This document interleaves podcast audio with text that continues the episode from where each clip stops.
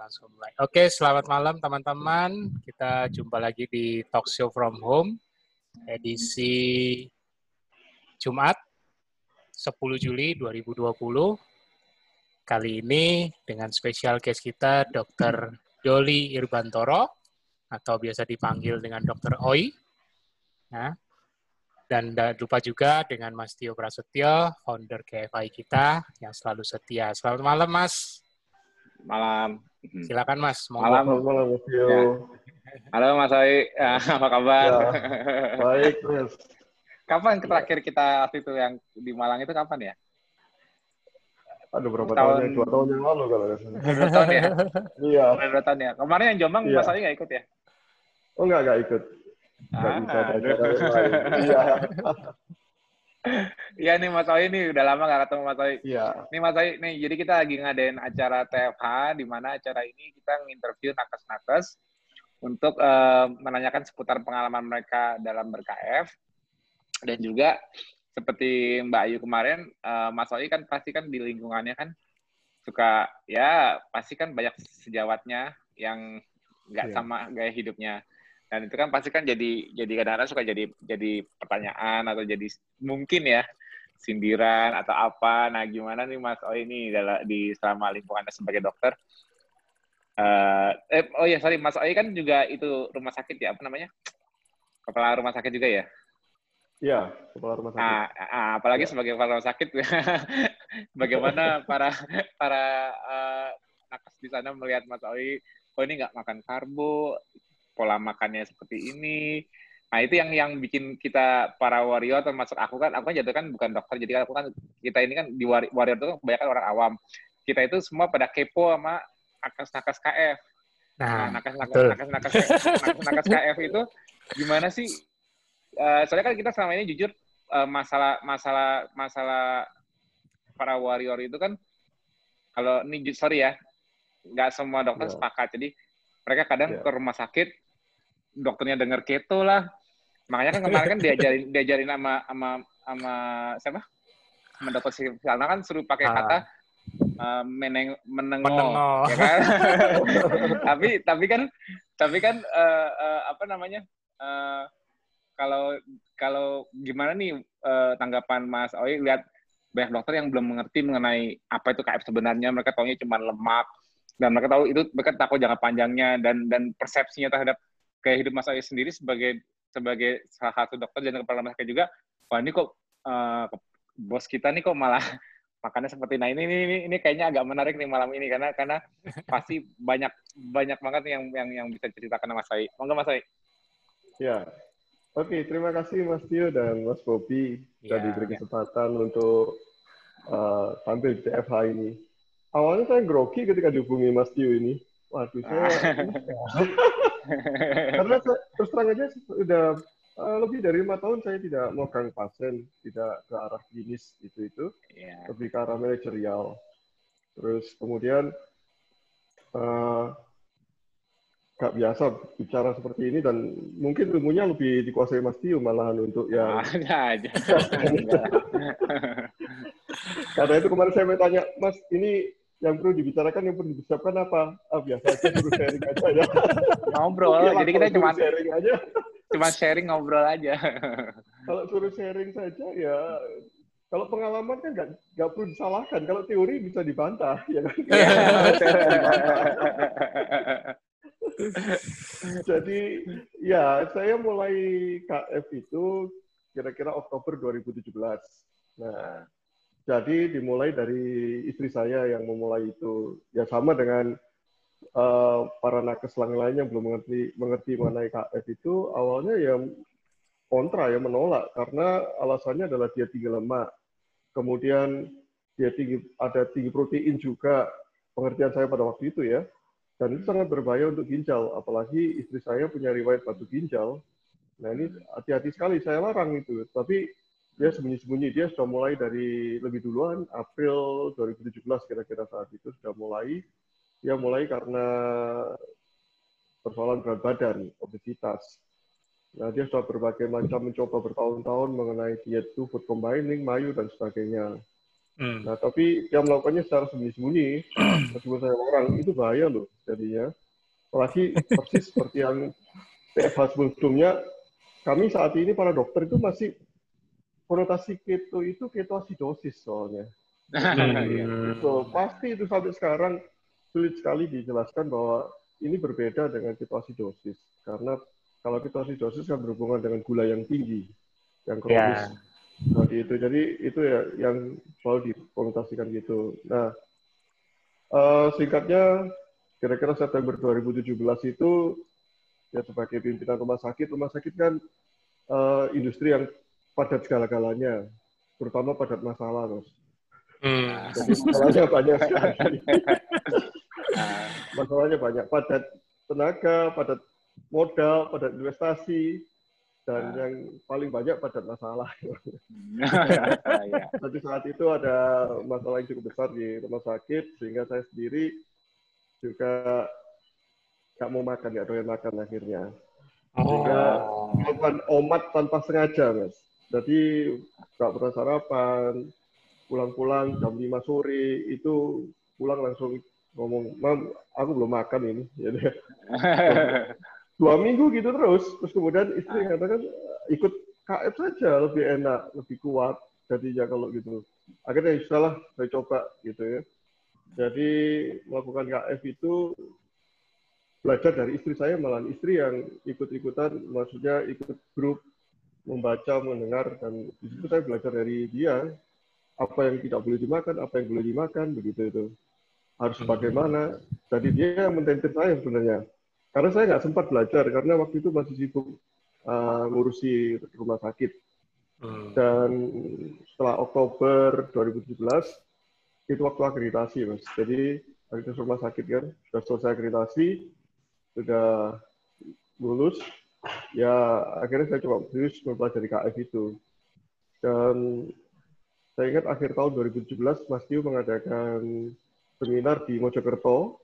Saya dari hmm. Batu, saya perjuangan sampai ke Mojokerto mas lihat benar-benar pengen tahu apa sih sebenarnya itu mengenai KF. Tapi waktu itu waktu, waktu itu udah jalanin atau belum waktu itu? Atau ya, jalani as, jalani sudah jalani tapi asal kan sudah bergabung dengan ditanya dulu ah, kan waktu masuk di Facebooknya itu grup Facebooknya tanya sudah menjalankan atau sudah menjalankan. Tetapi ya asal jalan saja, nggak ngerti itu lima hmm. pilar apa apa. Yang penting ini boleh nggak dimakan tanya istri malah boleh nggak dimakan dia sendiri juga ilmunya terbatas kan jadi saat ah. itu juga saya masih makan nanas katanya nanas itu boleh ya oh, oh bagus saya lihat bromelinnya bisa menurunkan berat badan segala katanya kan oh ya bagus antioksidan tinggi oh ya itu berarti nggak apa-apa saya makan jadi justru setelah dari Mojokerto itulah saya belajar coba mempelajari lebih serius lagi dan salut dengan Mas Tio. Cara menyampaikannya luar biasa, Mas. Bisa diikuti. Lebih mudah daripada dosen saya mengajarkannya, Mas. bener, bener, jujur. Jadi, ini elektro ya kan Mas Tio ya? Mengajarnya daripada prof-prof saya di fisiologi. Jadi nah, boleh dibilang pelajaran yang dulu jadi killer itu sekarang jadi menarik ya Mas ya? Iya, kalau dulu nggak suka memang. Terus terang aja saya mewakili para dokter, kami itu tidak suka dengan hal yang fisiologis. Sehingga kalau bisa mewakili para dokter awal, semester awal sudah langsung praktek, Mas. Mempelajari patologinya, penyakitnya, bagaimana cara mengobatinya. Kalau bisa mengobati itu suatu yang membanggakan. Padahal sebenarnya sekarang ini lebih mengarah ke fisiologis. Kita kembalikan ke fisiologis. Yeah. Kegagalan para dokter sekarang ini juga karena selalu orientasi pada patologisnya, bukan pada fisiologisnya. Lupa pada fisiologisnya bagaimana itu. Persis seperti dikatakan dokter Sylvia kalau nggak salah yang dokter kemarin itu, Silvana. Jadi itu kan mengembalikan pada proses fisiologisnya. Nah itu yang disampaikan oleh Mas Tio di, di sana mengenai fisiologis fisiologis itu. Jadi pelajaran di semester-semester awal itu yang tidak disukai oleh para dokter sebenarnya. Yeah. Basic-basicnya itu. Jadi pengen langsung patologis, sakit apa, obatnya apa, begitu itu jadinya. Nah ini yang salah di situ. Nah, jadi enam bulan pertama KF itu berat badan saya turun drastis, mas. Saya diawali dari berat badan 80-an lah. saya nggak sempat nimbang pada waktu itu, tapi ya memang gemuk sekali, tapi nggak merasa gemuk. Sama aku juga dulu gitu. Waktu gemuk aku juga pernah merasa gemuk. Gak merasa Waktu gemuk aku pede. Gak merasa gemuk.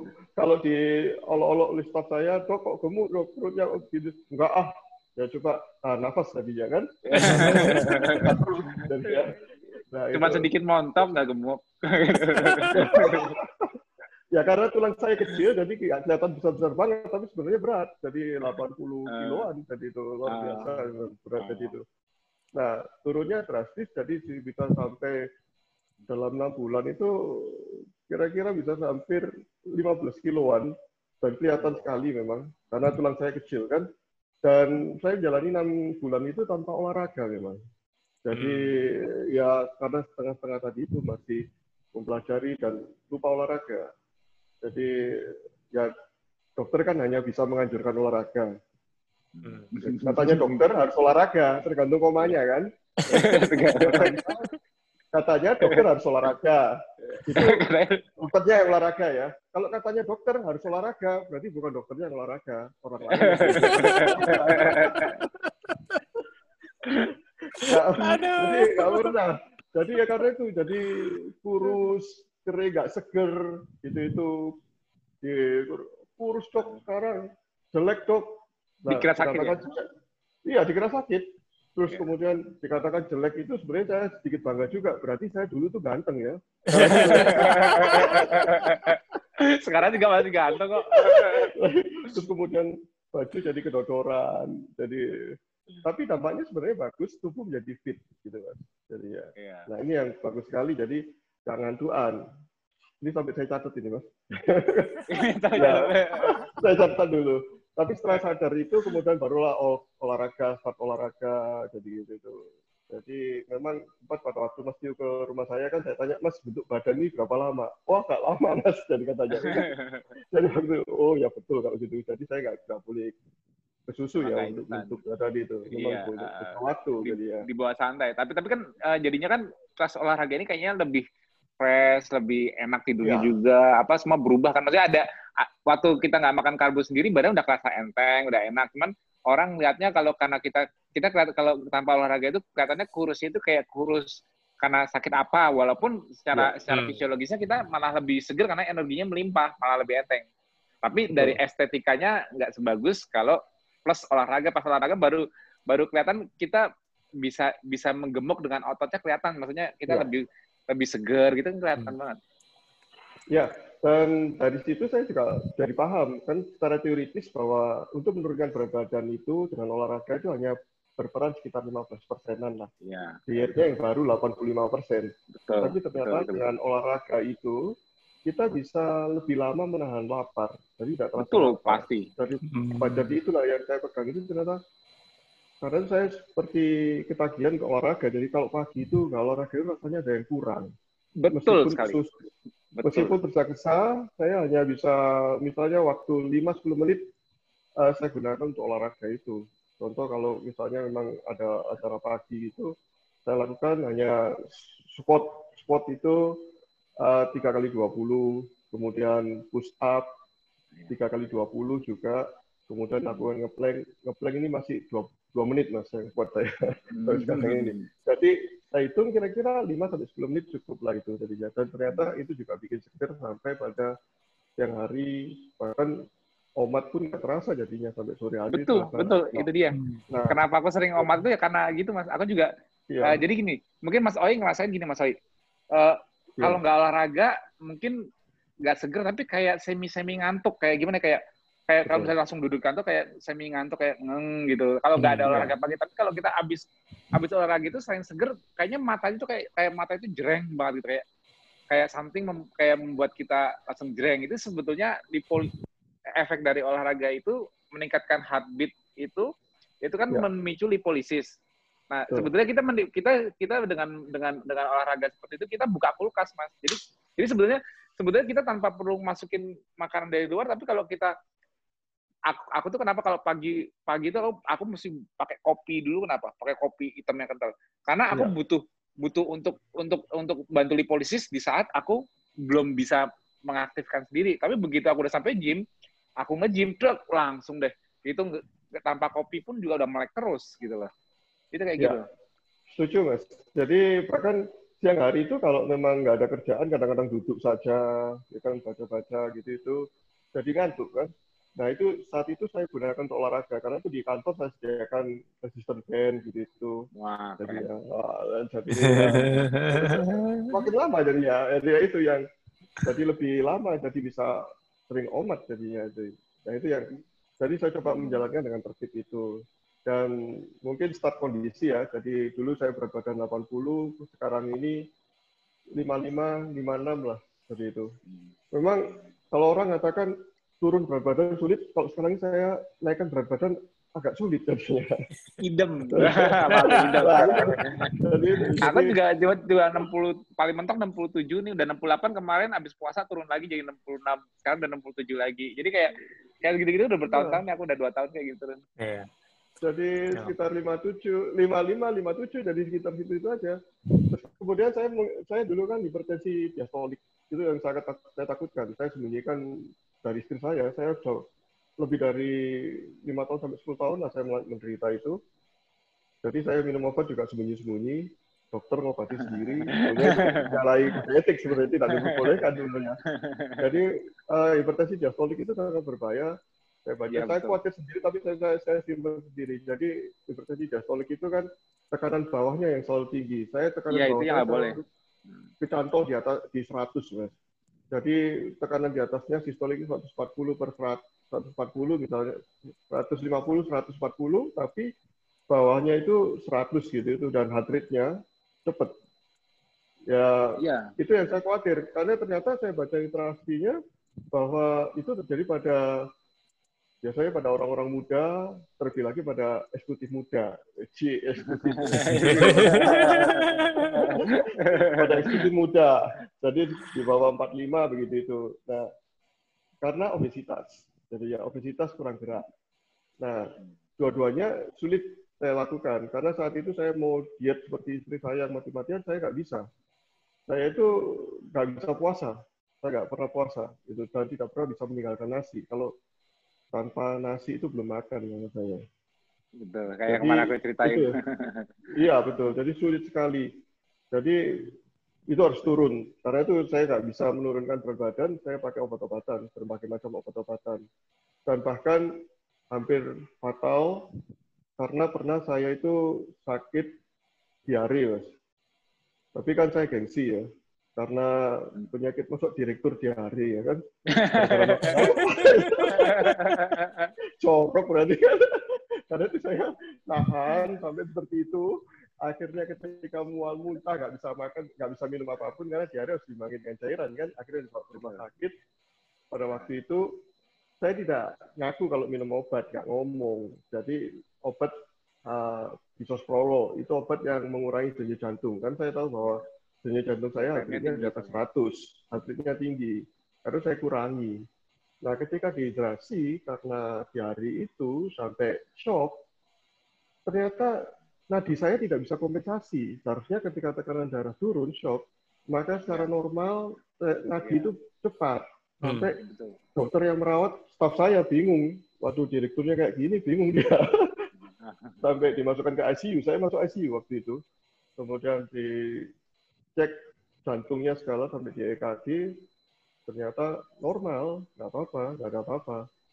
Nah itu sampai karena itu ternyata setelah itu saya sadar, oh saya saya kemarin nggak ngomong kalau saya itu minum obat yang menghambat denyut jantung, hmm. sehingga tidak bisa dan obat itu adalah untuk tujuannya mengerem denyut jantung saya yang tinggi dan juga menurunkan tensi yang diastoliknya itu tapi saya lupa menyampaikannya. Jadi itu yang terjadi. Jadi ya hampir taruh nyawa sampai istri saya, Mas ingat anak lu ya, ingat anak ya dibangunkan terus itu.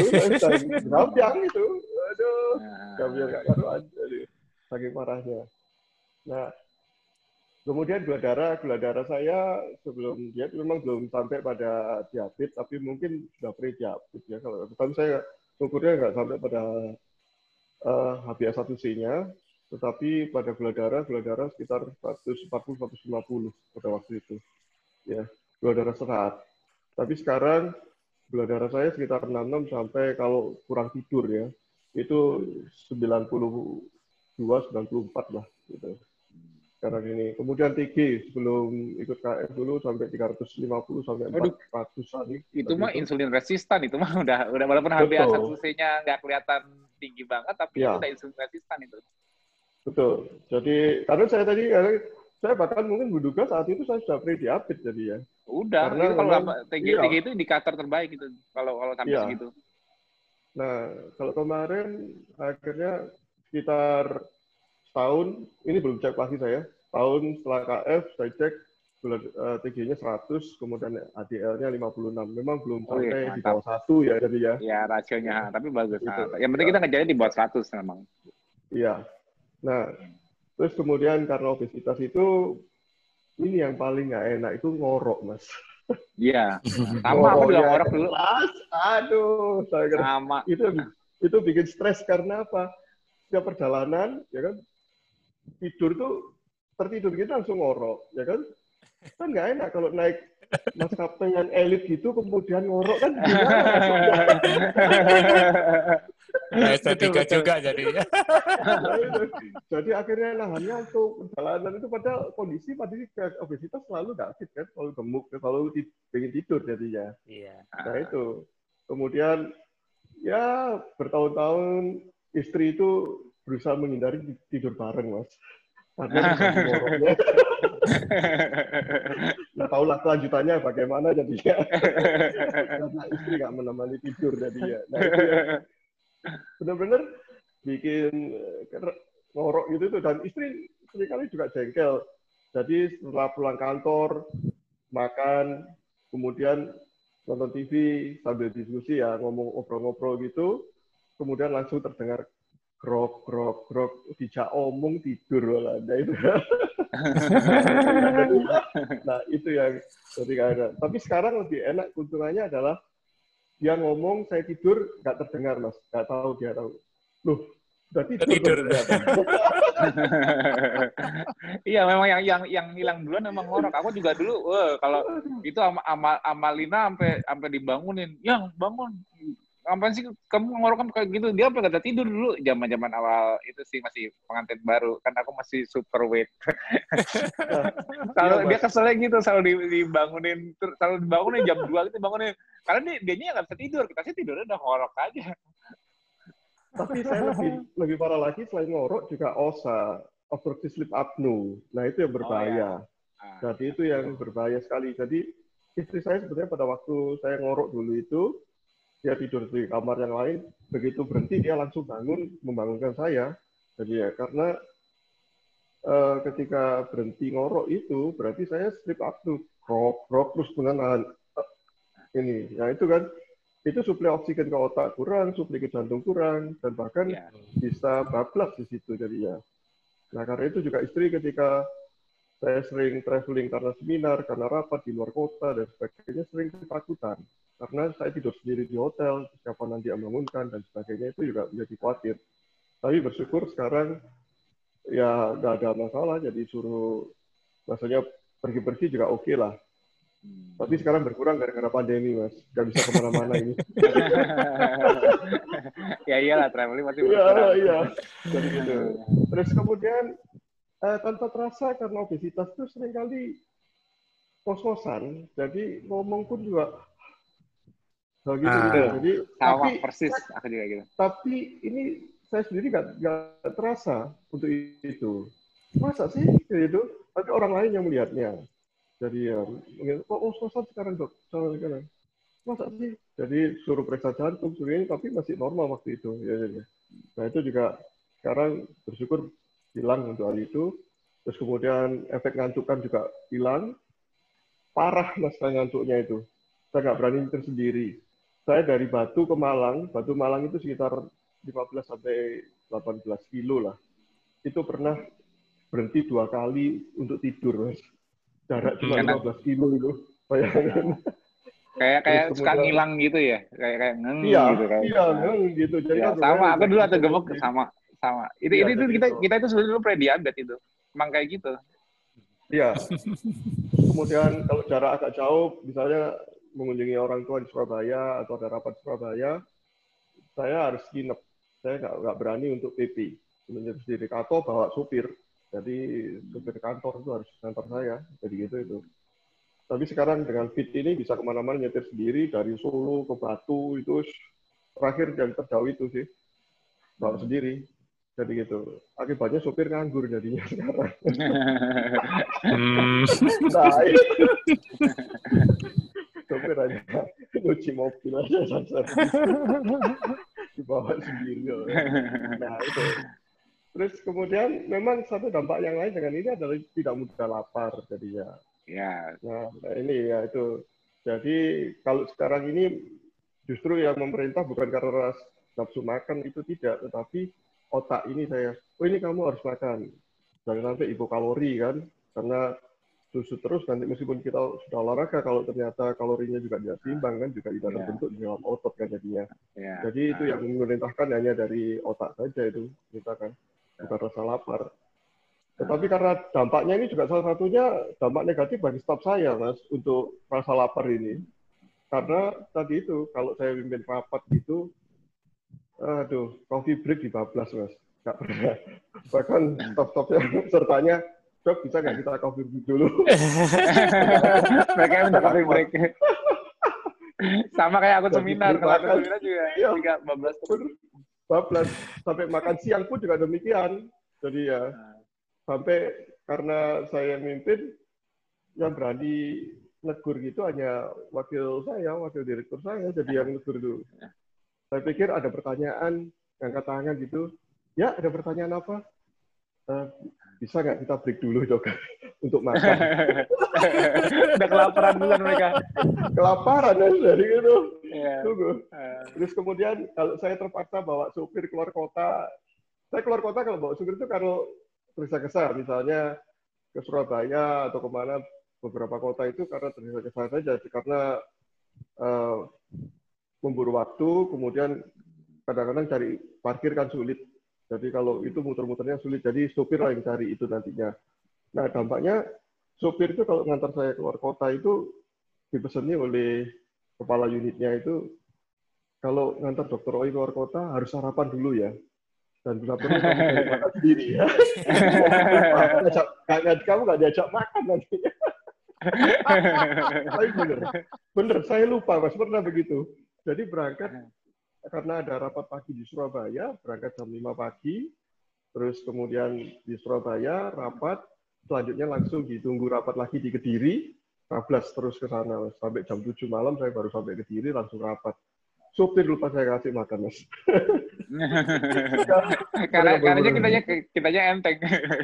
iya kita enteng nggak terasa ya begitu bener-bener Ah, dampaknya gitu. Jadi itu sih ya. Terus kemudian masalah bully ya tadi ya di awal sampai sekarang pun sekarang sudah bergeser mas. Jadi kalau dulu itu dikatakan KF itu berbahaya, saya diingatkan oleh staf-staf dari penyakit dalam, tolong Nah. ini boleh dijalankan hanya enam bulan saja, ya. Nah itu, Karena ya itu sering-sering sering-sering di Jadi, ah. Iya, terus kemudian kurus, jelek itu, lalu ada lagi bully. Atau saya yang dokter-dokter katakan nggak pantas kayak anak SMA jadinya gitu. Caranya. Nggak pantas jadi direktur rumah sakit gitu. gitu. Tapi bener kok. Jadi pernah saya itu ada tamu beberapa kali ini bukan yang pernah beberapa kali tamu itu saya tunggu di ruang tamu saya di ruang tunggunya saya ngobrol dengan staf itu saya tunggu gitu kemudian tamunya datang terus dia duduk langsung gitu saya dipikir staf juga yang lagi nunggu mau ngadep direktur begitu saya memperkenalkan diri. Loh oh, maaf dok ya. Dokter direkturnya. Saya maaf dok. Pikiran saya direktur itu adalah tua tinggi bu perut buncit gitu bener itu jadi aduh gitu. Jadi itu yang si bulinya kayak gitu. Kemudian dikatakan diet ini mahal. Jadi katanya tapi sudah saya jelaskan bahwa sebenarnya relatif bisa di uh, apa namanya bisa dikelola. Asal kita mau saja. Contohnya saya berikan ah beli bruto lah bruto ayam itu kami bisa berdua eh, satu kilo berdua cuma lima belas ribu Kalau Itu kenyang banget itu. wah sangat kenyang. Nah, Gitu. Apalagi dihantam dengan kopi juga, aduh kenyang. Ah, kuat. Nah, tapi sudah saya jelaskan begitu, ya namanya orang selalu cari alasan ya. Sekarang ini malah Hmm. Ya. katanya kan kita utamakan pada puasanya sebenarnya ya kan. Hmm. Dan puasa adalah penyembuhnya, ya kan, the healer-nya. Jadi kita orientasi di situ. Nah sekarang ini malah, wah nggak kuat tuh kalau saya puasa gini nih. Ya, kan? Hidup kok dibikin susah, berat gitu. ya itu orang alasan-alasan saja itu saya tanya. Terus kemudian Ya, ada gitu ya. teman yang gitu, kok makan aja milih-milih susah sekali milih-milih. Jadi karena milih-milih karena mikir itulah jadi kurus kamu ya. Sendiri. Padahal enak-enak loh. Bahkan kemarin Buyan tuh, saya sejak KF ini tiga tahun ini saya nggak pernah makan loh. Tapi gadu saja. Pada Jawanya gadu itu kan lauknya saja yang Ya, dimakan. lauknya Jadi ya itu. Lah karena dulu kan pikiran kalau orang terutama Jawa, eh, kalau belum makan nasi dikatakan belum makan meskipun sudah makan roti satu potong besar gitu itu kan jadi ya nah itu ya ah, Nah, karena itu orang selalu pada makanan besar gitu itu selalu nasi itu itu yang repotnya. Nah, sebenarnya di masa pandemi ini adalah eh, saat yang tepat sebenarnya mereka galau banget. Mas. Nah, ini yang mungkin bisa di mungkin kalau ada nakes yang lain apalagi dokter bagaimana cara mengarahkan mereka karena sekarang ini para dokter lagi lagi kebingungan lagi depresi sebenarnya bahwa mereka adalah komorbid. Uh, perlu Iya. diketahui saya share Betul. saja bahwa di kemarin saya baru webinar dengan uh, staf di Dr. Stomo mengatakan bahwa nakes yang obesitas itu sangat sulit ditolong sebenarnya. Jadi sebagian besar yang meninggal nakesnya di Dr. Stomo maupun di Surabaya saat ini adalah karena obesitas. Jadi itu. Hmm. Bahkan sebelum ini barusan ada PPDS dari dokter PPDS itu calon spesialis ya. Itu PPDS sana meninggal karena ternyata obesitas juga. Bahkan sekarang ini di Dr. Stomo itu bagi yang obesitas itu yang pendidikan spesialis diminta untuk cuti dulu. Sekolah dari rumah dulu, SPH dulu, jadi gitu. Dari dilarang masuk ke rumah sakit dulu, jadi gitu. Sangat penting karena obesitas sulit disembuhkan, apalagi dengan metode sekarang ini selain masuk ventilator, maka tidurnya pun pronasi, ditempurupkan kan. Nah kondisi gemuk akan sulit untuk me- tengkurapnya itu. Jadi, ya, itu. Tengkurapnya nggak nggak tanggung-tanggung bisa 12 jam gitu sehari. hmm. Nah, saya bayangkan saya kondisi segini aja tengkurap itu rasanya sesek. Iya, bayangkan ah. saja ya gitu. Hmm. Makanya itu itu Ah. apalagi gemuk obesitas. Nah ini yang jadinya para dokter yang sekarang banyak obesitas itu jadi stres juga. Dia harus kerja juga, tetapi itu menjadi komorbid terhadap eh, pandemi ini, COVID-19 itu. Dan sebenarnya sudah dinyatakan secara implisit, memang belum berani secara eksplisit di dalam berbagai webinar dari eh, rumah sakit-rumah sakit itu mengatakan bahwa obesitas itu menjadi persoalan yang krusial di sini. Hmm. Meskipun contohnya yang sebelumnya ada ada satu lagi BPJS yang meninggal itu juga karena obesitas. Eh, gula darahnya selalu di bawah 200, tetapi HbA1c-nya 7,1. Ya. Hmm. sudah berarti ya sudah diabetes Udah ya. hampir diabetes. Diabetes. Ya, sudah diabetes. Jadi itu. Jadi itu yang selalu di bahkan kemudian dia diisolasi, dimasukkan maksudnya dijauhkan dari pasien-pasien COVID tapi juga terkena COVID Hmm. juga akhirnya. Dan dipanggil Tuhan jadinya kan. Dan inilah yang jadi di kondisi di rumah sakit kami sendiri eh, akhir tahun lalu sebelum ada COVID itu kami menggalakkan pengukuran BMI sekitar 32 persen overweight dan bahkan ada obesitas. Dan para dokternya saya melihat eh, sekarang ini boleh dikatakan 80 persen obesitas. Kalau toh dia BMI-nya normal pada obesitas sentral, nah itu jadinya. Nah ini Hmm. menjadi persoalan. Jadi mereka sendiri ketika saya sekarang ini mereka tidak berani lagi mengatakan bahwa keto itu berbahaya karena saya sudah tunjukkan saya sudah tiga tahun ini Oktober nanti tiga tahun ya kan dalam Nah, itu kondisi dia. makin Ah. fit, makin Hmm. sehat uh. tidak berani. Tapi akhirnya mengarah pada gak kuat aku boleh poso itu, gak kuat aku kalau suruh puasa seperti kamu gitu. Itu, gitu. nah itu dia. Sekarang akhirnya kayak gitu, betul. Uh. Jadi itu. Apalagi yang repotnya begini, Mas. Kemarin saya juga kumpulkan para uh, ahli gizi kami, kumpulkan. Saya katakan, oke, okay, kita harus bikin program untuk membuat uh, melangsingkan karyawan kita semuanya, ya kan? Saya suruh paparkan semua dietnya, ya kan? Nah, tetapi para ahli gizi ini masih pada ilmu yang lama, jadi makan seimbang. Tidak boleh melakukan hmm. skip terhadap sarapan. Jadi begitu. Hmm. Nah, ini yang saya sendiri saya biarkan dulu. Jadi sekarang ini saya bikin program karena kita kan nggak tahu kapan pandemi ini berakhir. Bisa hmm. dua atau tiga tahun lagi. Jadi hmm. berlomba-lomba, saya berlomba-lomba untuk sekarang ini bagaimana bisa pandemi ini bisa berakhir cepatnya dan juga bagaimana menyiapkan staf-staf rumah sakit untuk uh, sehat ya dalam hal ini fit mengurangi komorbidnya dari obesitas itu. Jadi, yes. jadi berkejar-kejaran seperti itu. Dan sekarang saya melihatnya secara psikologi itu mereka sudah mulai galau dari yang obesitas itu.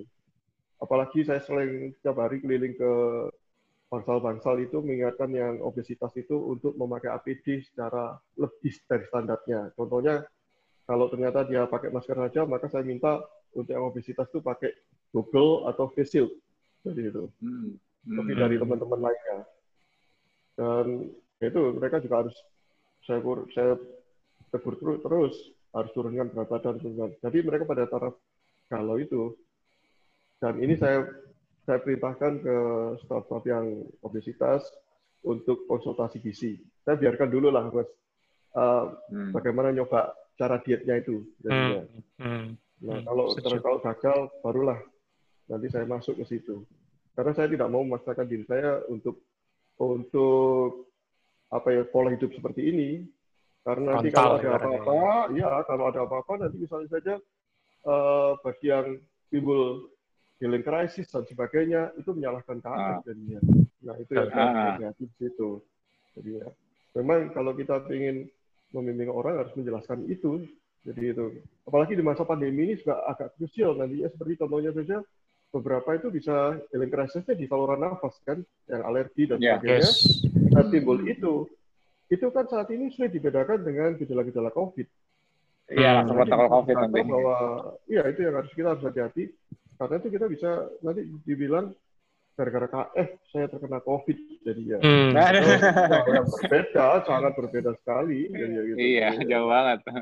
Nah, itu yang menjadi problem. Jadi yang itu yang harus uh, kita waspadai juga di dalam hal ini. Karena itu, tapi sekali lagi dengan pembuktian sendiri bahwa saya sebagai living proof di tempat kerja itu, mereka juga tidak berani lagi mengatakan bahwa itu itu berbahaya, ya, itu itu mahal, sudah terbantahkan. Tapi sekarang ini untuk menjalaninya yang nggak kuat kata mereka. Mereka ya, mereka nggak berani, mereka mereka, ya. mereka hanya nggak sanggup. Jadi kayak, kayak aku juga udah sering siring KF ini dulu di awal 2016-2017 memang KF yang nyerang banyak. Tapi aku iya. yakin nih, ini sebentar lagi, apalagi nih kita sebentar lagi tanggal 20 Januari uh, 2021, kita udah udah udah lima tahun. Nah berarti kan udah banyak banget ribuan orang yang udah lima tahun jalanin KF itu udah istilahnya di jangka yeah. panjang. Jadi jauh banget dari jauh banget dari persepsi tiga bulan enam bulan hanya boleh segitu kan jauh sekali kan. Kalau yeah. kalau aku yeah. kan jujur kalau aku pribadi kan sebagai foundernya nggak fair kalau aku kan karena aku foundernya aku 12 tahun kan aku cuma single person. Tapi kalau hmm. mau lihat berapa banyak orang yang sudah sampai lima tahun itu kan kelihatan banget di grup kita. Wah udah banyak sampai lima tahun nih.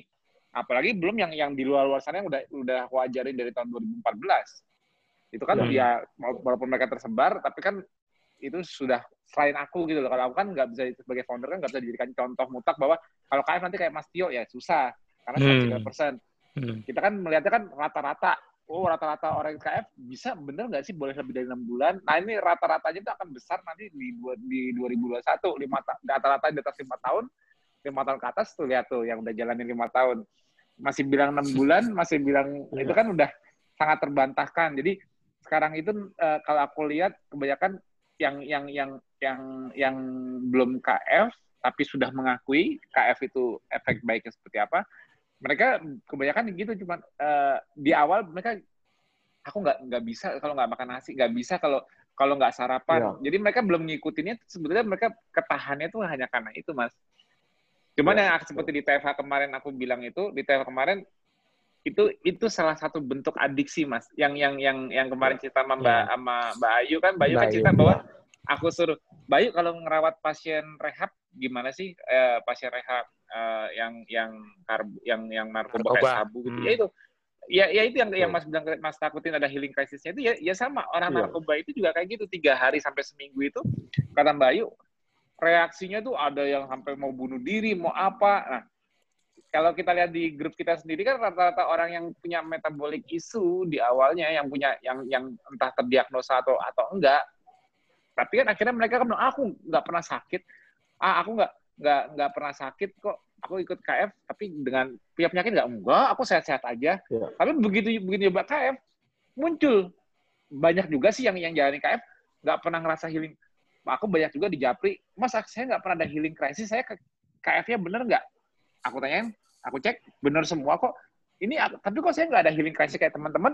Ya emang emang healing crisis aku tahu nomor teleponnya bisa nanya. Nggak bisa. Jadi healing crisis healing, kapan mau datang healing crisis? Ya, saya kapan healing crisis? Ya mana saya tahu. Kan tubuh sendiri. Jadi kalau tubuhnya tidak menemukan something yeah. untuk dibuang keluar apa yang mau di healing crisis kan? Ya berarti hmm. memang dia truly sehat.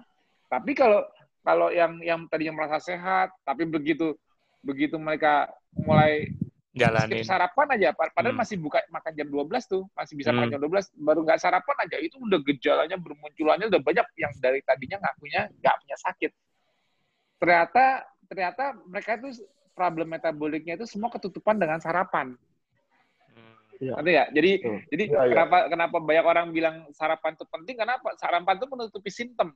Jadi kalau kita ada metabolic problem, jadi jadi hmm. kemampu jadi yang aku bilang metabolic problem itu ialah ke, ketidakmampuan switch kayak Mas Mas Oi kan bilang saya nggak bisa puasa dulu. Ya gitu, ya. banyak orang nggak bisa puasa karena kalau Mas sudah makan baru Mas merasa fit dan sehat, benar nggak? Nah, ya, ya. Tapi, tapi tapi di KF itu kayak rehab, di KF itu kayak di, di, dengan dengan menjalankan hari pertama protokol kelihatan mana yang metabolik yang punya sindrom metabolik atau metabolik isu di dalamnya keangkat semua pada saat hanya skip sarapan. Aku sering ngomong gitu, skip aja sarapan. Pengen tahu. Jadi kalau kalau orang yang yang yang benar-benar sehat skip sarapan dulu dan pas makan ya nggak makan karbo. Sebetulnya dia hmm. otomatis dia tidak tidak tidak mengembalikan gulanya. Nah, ketidakmampuan mereka untuk switching menggunakan lemak di badan mereka itu itu keangkat semua efeknya ke badannya. Ada yang gemeter, ada yang kesemutan, ada yang keliengan, ada hmm. yang gatel-gatel, ada yang emosi tingkat dewa. Hmm. Semuanya keangkat yeah. semua yang tadinya mereka bilang saya sehat. Nah, Terus aku kemarin ini mas, aku nggak tahu kata apa nggak, bisa. Aku belum belajar share screen nama mas. Ini, aku, aku, eh, ini silau ya. Silau, silau, mas. Ya. silau mas. Ini, ini, Screenshot ini, aja uh, ke aku mas. Nggak apa-apa, nanti nanti ke wall FB aku, kayaknya sih aku juga ada posting ke grup. Aku pernah bikin tanggal April 11 April kemarin, aku pernah bikin postingan obesitas dan karantina mandiri di kondisi wabah COVID-19. Oh, iya, iya. Nah, mungkin Mas pernah baca kalau nggak salah yeah. baru-baru ini juga uh, di-share sama Mas yeah. Sidik. Mas Sidik juga nge-share. Yeah. Itu aku aku tuh udah udah udah sebelum sebelum sebelum obesitas ternyata jadi akar masalahnya. Ini kan dulu kan belum banyak ketahuan nakes yang meninggal karena obesitas. Sekarang rata-ratanya udah kelihatan kan. Jadi gini. Ya. Yeah. Kemarin ini kita ngomongnya kan memang paling akurat parameter metabolik. Nah, oke. Okay. Tapi sebetulnya obesitas obesitas itu terutama para nakes yang obesitas itu sebetulnya mereka juga juga belum tentu mereka mendiag, uh, mendiagnosa bahwa diri mereka punya penyakit hanya obes saja. Nah, obes obes ya. obesitas ini aku jelas aku, aku kalau jelasin jelasin di sini mungkin kepanjangan. Tapi nanti di sini aku jelasin lengkap, aku kasih referensi-referensi ilmiah resiko obesitas itu nggak main-main. Jadi uh, obesitas itu bisa jadi carrier dan dia kalau misalnya kita yang sehat nih, kita yang KF, kita kena dosis kecil kita malah nggak bergejala dia ya. langsung nggak ya. bergejala tapi dia menjadi reservoir untuk replikasi. Dia bisa menyebarkan lebih banyak lagi. Jadi resikonya orang obesitas itu kalau dia terkena covid selain dia bisa bisa bisa uh, gampang menuju fatalitas dia juga bisa jadi penyebar. Jadi mereka reservoir berjalan. Itu itu yang resikonya lebih jadi penyebarannya malah lebih cepat. Bagi makanya waktu itu aku menyarankan di postingan itu ialah obesitas itu resikonya selain dia harus karantina mandiri karantina mandiri untuk untuk melindungi diri dia sendiri selama dia masih obes, mengejar parameter metabolik yang membaik. Nah, tapi dia juga dia juga ini, dia juga mencegah dia menularkan ke orang lain saat dia terinfeksi. Karena karena dia nggak sadar dia menjadi host yang paling baik. Obesitas itu host paling baik buat COVID-19 nggak cuma COVID-19 sih. Obesitas itu host paling baik buat semua infeksi ya termasuk seasonal flu itu paling baik makanya uh, uh, pas Mas Awi bilang baru secara apa implisit di, dikatakan secara implisit bahwa ini yang ya. obesitas mesti udah mulai ter, tersaring hati -hati. nih. Itu betul. Ya. Mulai hati-hati itu, hmm. itu, itu, itu kalau kalau bisa itu kalau bisa itu ada otoritas-otoritas pejabat pemerintahan yang langsung langsung declare aja obesitas itu masalah selesai kita bisa kasih solusi. Sekarang ini nggak ada yang berani ngomong obesitas itu uh, uh, masalah yang harus diperhatikan selain parameter. Kalau kemarin kan aku nggak salah aku lihat di YouTube ada yang posting dari mana tuh ya. Maksudnya uh, apa yang yang orang-orang dengan sindrom metabolik berhati-hati dengan COVID apa gitu dari, dari Jawa Timur juga kalau nggak salah. Tapi tapi aku mengharapkan juga ada obesitas juga hati-hati. Nggak hanya ya. sindrom metabolik, obesitas hati-hati. Obesitas itu bom waktu. Nah itu dia. Jadi ya, kalau jadi jadi uh, obesitas ini kan berdasarkan beberapa data itu di Indonesia itu minimal 30 persen. Bahkan kalau ditambah dengan obesitas sentral, itu bisa sampai 39 persen. Nah, kalau ternyata obesitas itu menjadi komorbid terhadap pandemi ini, maka korban terhadap pandemi ini bila maaf kalau disebutkan herd immunity nantinya, karena kan uh, vaksin belum ditemukan, itu bisa menjadi korbannya banyak kira-kira 30 persen penduduk Indonesia dan fatalitinya, hmm. fatalitasnya bisa sampai 10 juta orang kira-kiranya seperti ya, itu dari beberapa hmm. Jadi sangat besar dari itu. Dengan uh, case fatality yang cukup tinggi yang terus meningkat, Jawa Timur saja 7,2 kalau nggak salah itu yang sangat tinggi itu. Ter, bahkan kemarin dikatakan tertinggi di Asia itu. Jadi ya. Hmm. Case fatality ya, jadi satu lokasi ya. Dari, dari satu lokasinya itu. Jadi itu yang sangat besar. Jadi memang ini sangat penting sekali untuk mungkin kita yang di KF ini terus memberikan sosialisasi itu. Dan oh ya, sebenarnya pemerintah sendiri sudah sadar sejak tahun 2017 itu. Ternyata 2017 itu ketika saya diskusi dengan ahli gizi itu dikatakan bahwa 2017 sudah pemerintah mengeluarkan program gentas namanya, Gerakan Nasional Turunkan Obesitas. Tapi itu ternyata hanya program-program saja, dan rasanya sangat sulit untuk melakukan penurunan berat badan karena hanya pada diet seimbang. Jadi ya. Germas ya? Ger, uh, gentas. Gentas. Oh, Gerakan gentas. Nusantara turunkan Nusantara. obesitas. Itu di, ah. di, di declare 2017. Jadi ya. Dan saya sendiri baru dengar kemarin untuk itu. Iya. Halo, kok bisa? Nah, iya, saya nggak tahu. Kan banyak gerakan-gerakan soalnya. Iya, iya, gerakan. Nah, nah, Tapi kayaknya dan, iya kayak germas ini juga juga orang banyak yang masih belum ngeh. Kalau aku lihat sih, yang germas yang yang sekarang iya. lagi dia memainkan itu juga banyak yang belum ngeh kok mengenai germas. Tahunya masih empat hati masa sempurna. Nah, sekarang ini betul. Jadi sekarang ini kalau menurut saya problem Indonesia ini pada keseimbangan kalori, bukan keseimbangan nutrisinya. Karena Betul. saya rasa berlimpah sekali makanan sudah banyak, jadi nutrisi hmm. sudah lengkap, tapi yeah. kalorinya yang berlebihan dari itu. Karena itu, nah. tapi pemerintah lihatnya atau tenaga-tenaga gizi yang belum mengenal kita ini masih pada keseimbangan nutrisi. Jadi itu. Jadi hmm. buah harus ada, sayur harus ada. Jadi piring dibagi empat gitu itu. Jadi ya, nah, ada karbo, protein, terus kemudian sayur dan buah. Jadi, nah inilah yang uh, paradigma ini memang belum bisa digeser karena otoritas masih menyatakan itu yang benar. Jadinya. Hmm. Tapi faktanya, karena itu saya punya strategi. Oke, akhir gizi silakan mau mengatur dietnya bagaimana silakan. Tapi saya tunggu kira-kira enam bulan kemudian pasti gagal. Nah, silakan hmm. mencoba diet itu itu ya. Bagaimana memulainya. Hmm. Jadi karena saya sudah buktikan bahwa sudah berhasil dan oh ya ini ini sharing saja bahwa ada dua orang yang sudah memulai mengikuti saya, tapi memang belum full. Ya, kata mereka, saya ikuti dokter saja, mengurangi nasi, mengurangi karbohidrat. Ternyata berat badannya juga turun jadinya, cukup signifikan gitu. Dan saya katakan itu bagus. Jadi maksud saya itu menjadi pintu masuk saya nantinya untuk menuju ke uh, keseimbangan kalori dan ketofagosis ini jadinya. Betul. Pentingnya itu jadinya.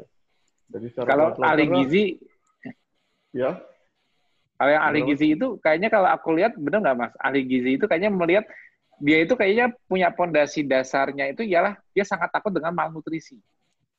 Pondasi ya, dasar dia itu ialah dia takut malnutrisi. Makanya dia dia mementingkan kalori kalau bisa jangan kurang. Jadi kalau bisa malah menghitung kalorinya pas. Jadi makannya harus uh, gizi seimbang nggak boleh dan nutrisi yang kurang.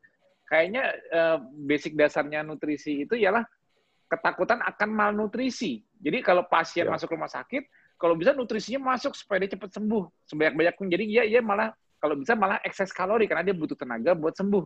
Betul nggak sih konsep yang yang aku pikirkan cara pandang mereka melihat orang sakit, menjaga kesehatan itu nggak boleh malnutrisi, nggak boleh kekurangan kalori. Kayaknya konsepnya selalu itu deh kalau aku lihat. Betul. Jadi ada ukurannya di rumah sakit itu namanya plate list. Plate list itu berapa sisa makanan yang tidak dimakan oleh pasien. Semakin oh, besar, iya. maka nutrisinya atau penyajiannya kurang baik.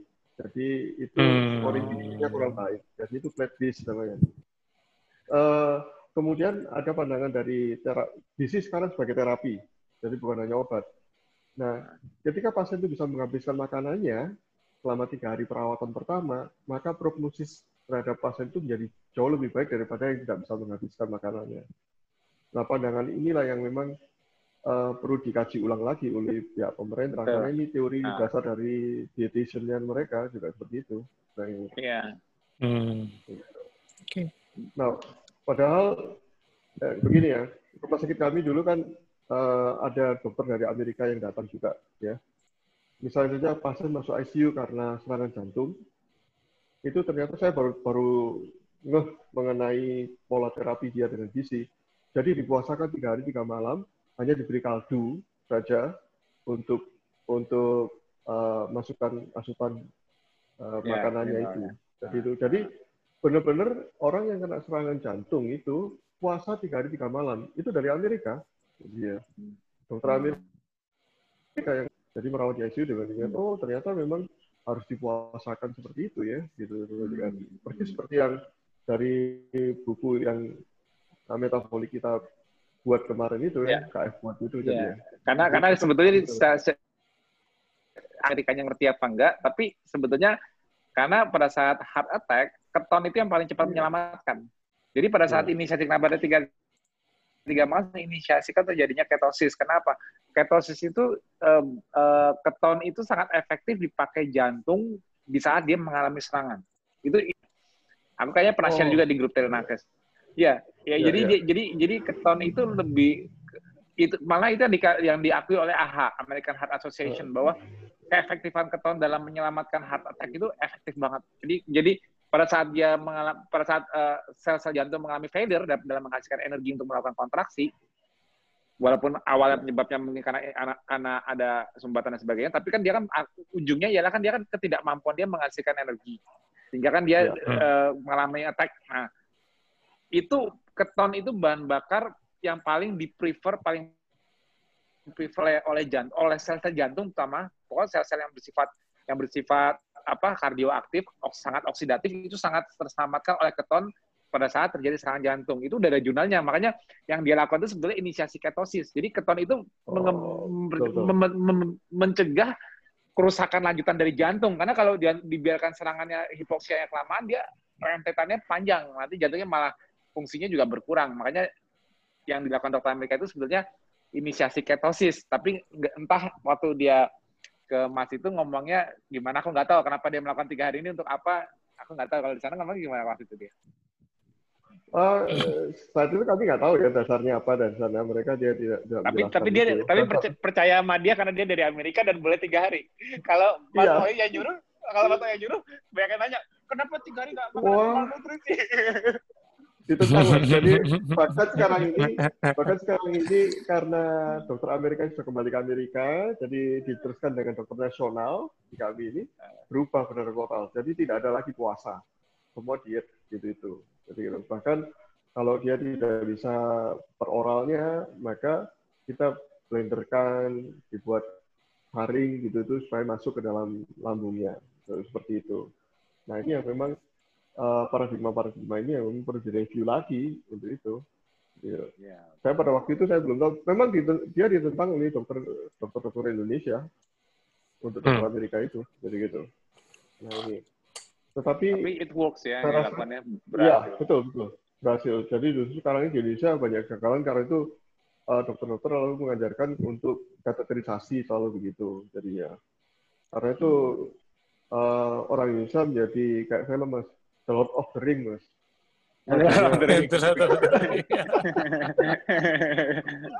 Sudah pasang ring berapa? Ada ring berapa di? Jadi Lord of the Ring. Udah tanya berapa ring kepasang. Ya udah, jadi itu. Tapi saya rasa bagus sekali saya juga mungkin uh, memberi dorongan bagi para warrior ini terus menyuarakan mengenai KF ini di masa pandemi yeah. ini karena saya merasa bahwa dengan kita KF ini, KFLS ini, maka imun kita juga akan baik dan meningkat. Ya. Dan pertahanan terakhir kita ini adalah tubuh kita sendiri. Hmm. Jadi begini, kalau orang mengatakan bahwa uh, garda terdepan adalah masyarakat, betul. Jadi di situlah masyarakat akan berperan langsung dengan COVID, ya, karena pola hidup dan sebagainya. Kemudian rumah sakit adalah benteng terakhir. Hmm. Karena apa benteng berarti dia selalu ada proteksi-proteksi kan memang. Hmm. Tetapi dari situ yang paling terakhir benteng atau core benteng itu adalah tubuh kita. Hmm. Karena pakai masker pun, ini saja masker, jadi pakai masker yeah. pun ini sudah hanya nahan uh, yeah. masker yang bagus, N95 itu aja hanya nahan sampai 95 persen gitu loh. Yeah. Uh. Nah berarti ada sisa yang masuk ke dalam tubuh kita. Jadi kalau ternyata tubuh, uh, tubuh kita imunnya kurang baik, meskipun ya. uh, viral loadnya sedikit, bisa juga nah. bereaksi nah. jadi sakit jadinya. Nah, iya, bisa fatal juga. Itu. Ka ya. Karena kecepatan replikasi. Betul. Hmm. Jadi apalagi uh, perlu diketahui juga, ini kan virus RNA ya. RNA itu mudah sekali mutasi soalnya.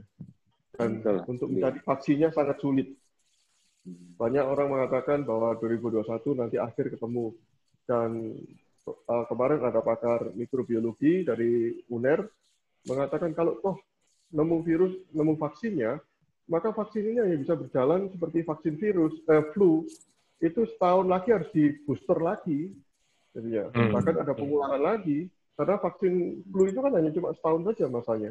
Nah, itu itu berdasarkan perhitungan kemarin bocorannya beberapa negara menjualnya agak murah sih sekitar 80 ribu per, vaksinnya kira-kira nanti itu. Hmm. Tapi kali jumlah penduduk Indonesia 270 sekarang nggak salah. Berapa sudah mampu nggak negara ini? Iya, masalahnya mampu apa enggak itu?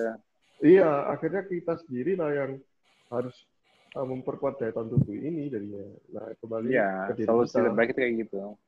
Jadi Siap. memang KF ini menjadi kalau bisa jadi apa ya motivator atau uh, jadi terobosan untuk survival di masa pandemi ini. Karena pandemi kita nggak tahu mas, jadi sampai kapan ini. Uh, negara lain sudah siap-siap gelombang kedua, negara kita gelombang pertama saja belum mas. Belum selesai ya. Masih kurvanya nanjak terus. Iya, betul. Jadi gitu. Ya, itu. Cuma kita nggak bisa nyalain pemerintah, nggak bisa nyalain pemerintah. Pemerintah kalau lockdown terus dia juga nggak mampu biayain negara. Pasti. Yeah, masalah. Betul. Jadi memang harus betul. kembali ke masyarakat. Jadi masyarakatnya selain yeah. dia ngikutin protokolnya normal, tapi mereka sendiri kalau nggak punya kesadaran metaboliknya, nggak punya kesadaran sebenarnya sih sebenarnya sih kesadaran itu dapat kalau ada yang menginfokan mereka insya Allah. Tapi ya itulah yeah. makanya targetnya kenapa kenapa aku tuh dari kemarin itu lagi ngumpulin data nih mas kalau hmm. Mas, Mas Oi juga di sana ada pasien COVID yang yang statusnya bukan dalam isolasi tapi masih bisa kita handle, kita bimbing. Uh, aku kebetulan kebetulan juga sama tim penyusun. Di, eh, sorry, di sini Mbak Aim atau Mbak Irma ikut nggak uh, di, di sana? Ada nggak Mas? Mbak Aim ada, Mas? Mbak Aim. Ya. Ah, Mbak Aim iya, ada. kemarin ke- kemarin yang megang salah satu kasus di Sidoarjo itu siapa Mbak Aim apa Mbak Irma? Saya sama Dokter Chandra. Ah, coba eh, nggak usah sebutin namanya tapi ceritain aja kabar bagus dari hasil kita di sana. Bilang aja pasien. A gitu aja. Apa pasien A jangan, jangan sebutin namanya. Sekarang ini ya Mas ya. Ya, yang kemarin dapat hasil dari rumah sakit itu yang Silom. Ini tadi setiap hari eh, saya diinfo sama istrinya bahwa eh, apa itu progresnya itu sangat stabil. Malah yang sekarang ini yang yang was-was itu malah istri, anak dan eyangnya. Kan yang sakit itu Pak suami itu kan obesitas, Mas. Jadi tidak tahu eh, tidak tahu kuman eh, virusnya itu masuk kapan, keluhannya itu hanya sakit perut, rapidnya Hmm. itu non reaktif, tapi foto toraknya sudah tidak bagus dan NLR-nya sudah tinggi. Ya, turun. Hmm. Nah, itu Iya, kan ha. alhamdulillah saja kan ada ada kakaknya Mbak Tiur itu yang yang sudah Nah, KF. namanya namanya nggak usah disebut, Mbak. Oh iya lupa saya maaf. kita kan kita kan jaga identitas. Jadi biar orang kalau kalau gini, kita pokoknya pokoknya eh, pokoknya yang lain nggak usah tahu kalau mau referensi ke kita, pokoknya kita tetap jaga identitas. Kita cuma butuh datanya doang karena kita mau maju ke Menkes. Lanjut, Mbak. Prosen, Mas. Prosen. Jadi kakaknya sama adiknya si pasien itu sudah KF. Sudah Hmm. KF, kemudian Hmm. eh, alhamdulillah lagi kan awareness maksudnya peduli sama kesehatan saudaranya. Ya. Ada Ah. indikasi ke sana. Kalau Hmm. orang yang tidak peduli kan maksudnya ah dikira mungkin sakit mah biasa, sakit tipes biasa, saat dikiranya sakit DB sehingga kan penanganannya itu kan telat di awalnya itu. Nah, Hmm. itu setelah eh, setelah melakukan pemeriksaan rapid, torak itu kan kemudian hari pertama itu puasa 24 jam kayak di buku itu ya Mas ya. Ya, dari buku. Tuh. Diare terus Mas, diare sampai 10 kali. Tapi Tuh. bapaknya Ah. fine-fine aja. Maksudnya nggak nggak yang terus Nggak lemes, nggak apa gitu ya. Ah. tapi ya ya diare terus warna hitam bahkan juga ya ya seperti kayak datok orang orang KF itu Mas. Kemudian Hmm. hari kedua masih tetap diare dan itu demam Hmm. masih eh, dua hari itu Hmm. demam kemudian hari ketiga malam ma- hari ketiga malam itu itu sudah mulai agak rasa kok sesak ya itu kemudian kita ya namanya kita nggak mendampingi di depan mata ya Mas ya Hmm. via Hmm. via WA Hmm. kadang sinyal salipan satu ngomong apa Hmm. satu ngomong apa Hmm. Siap-siap oksigen apa itu namanya? Kalengan. Kemudian kok semakin semakin sesak. Akhirnya konsultasi dokter Chandra berangkat ke rumah sakit gitu. Ini butuh pendorong gitu kan mas. Hmm. Mas semua juga ya. Kemudian Hmm. tapi pada saat di rumah sakit itu cuma semalam saja mas. Semalam Hmm. dapat oksigen maksudnya dapat oksigen dengan bantuan alat di rumah sakit itu cuma semalam. Besoknya itu Hmm. sudah lepas oksigen Ya. sudah lepas oksigen dan sampai sekarang sudah eh, sudah tidak tidak ada apa itu keluhan yang gimana gitu fine fine aja orangnya hanya Saturasi oksigen kan bagus kemarin di share di grup hasilnya. pada saat iya pada saat berangkat ke rumah sakit pun sampai beli alatnya kan saturasi itu itu Hmm. bagus cuman si pasien itu merasa kurang nyaman bernafas gitu kan Ya. Nyaman bernafas pada saat di rumah sakit di swab hasilnya itu hari Rabu kalau nggak salah hari Hmm. Rabu itu dinyatakan positif mas Ya. memang sudah sudah kehendaknya ya masih terselamatkan cuman kan di masyarakat itu kan banyaknya penanganan awalnya kan telat karena Nah, itu dia telat. orang masih menolak kan menolak oh Hmm. masa masa anu sih covid sih mungkin Hmm. cuman mah mungkin cuman tipes mungkin cuman apa itu namanya demam berdarah biasa dikiranya sakit Hmm. seperti itu padahal itu sudah berproses sudah menularkan sudah getuk tularnya itu sudah panjang panjang ya alhamdulillah ini bagus bagus Hmm. sekarang bagus. setiap hari saya di. Oke. Ya, nggak apa-apa. Da- datanya datanya dikumpulin aja Mbak. Nanti kan kita kan masih nyari apa data terus supaya itu. Nanti nah kayak Mbak Aim, Mbak Irma, Mbak Siti Chandra dan dan semua tim penyusun lain itu kita kita di sini siap eh, bantu uh, yang yang ada misalnya dapat referensi dari saudara teman siapa yang yang kena COVID, kalau bisa yang, yang jangan yang udah uh, lapor. Saudara saya ada tuh udah di ICU ya kita mau bisa apa di ICU maksudnya dia kan udah udah full isolasi dari dari rumah sakit kita kan nggak bisa intervensi. Kalau bisa ya. yang masih OTG ODP atau Justru PDP tanpa itu. Ya PDP tanpa ber, PDP yang tidak bergejala sorry yang yang positif tapi tidak bergejala pun nggak apa-apa karena karena jeleknya COVID itu gini. Bisa aja dia ketahuan reaktifnya tidak sengaja karena dia screening atau apa. Terus dia merasa nggak bergejala cuma kata mandiri.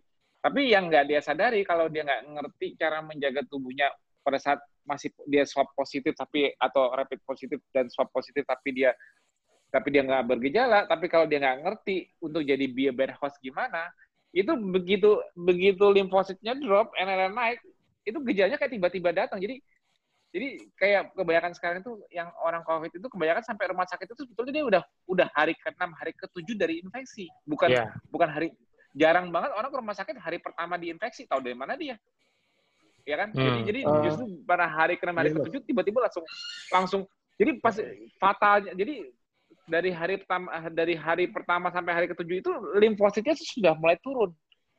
Nah pada saat dia bergejala ya, pada saat dia bergejala sudah mengalami T cell exhaustion maksudnya limfositnya drop itu naik ke fatalnya cepat.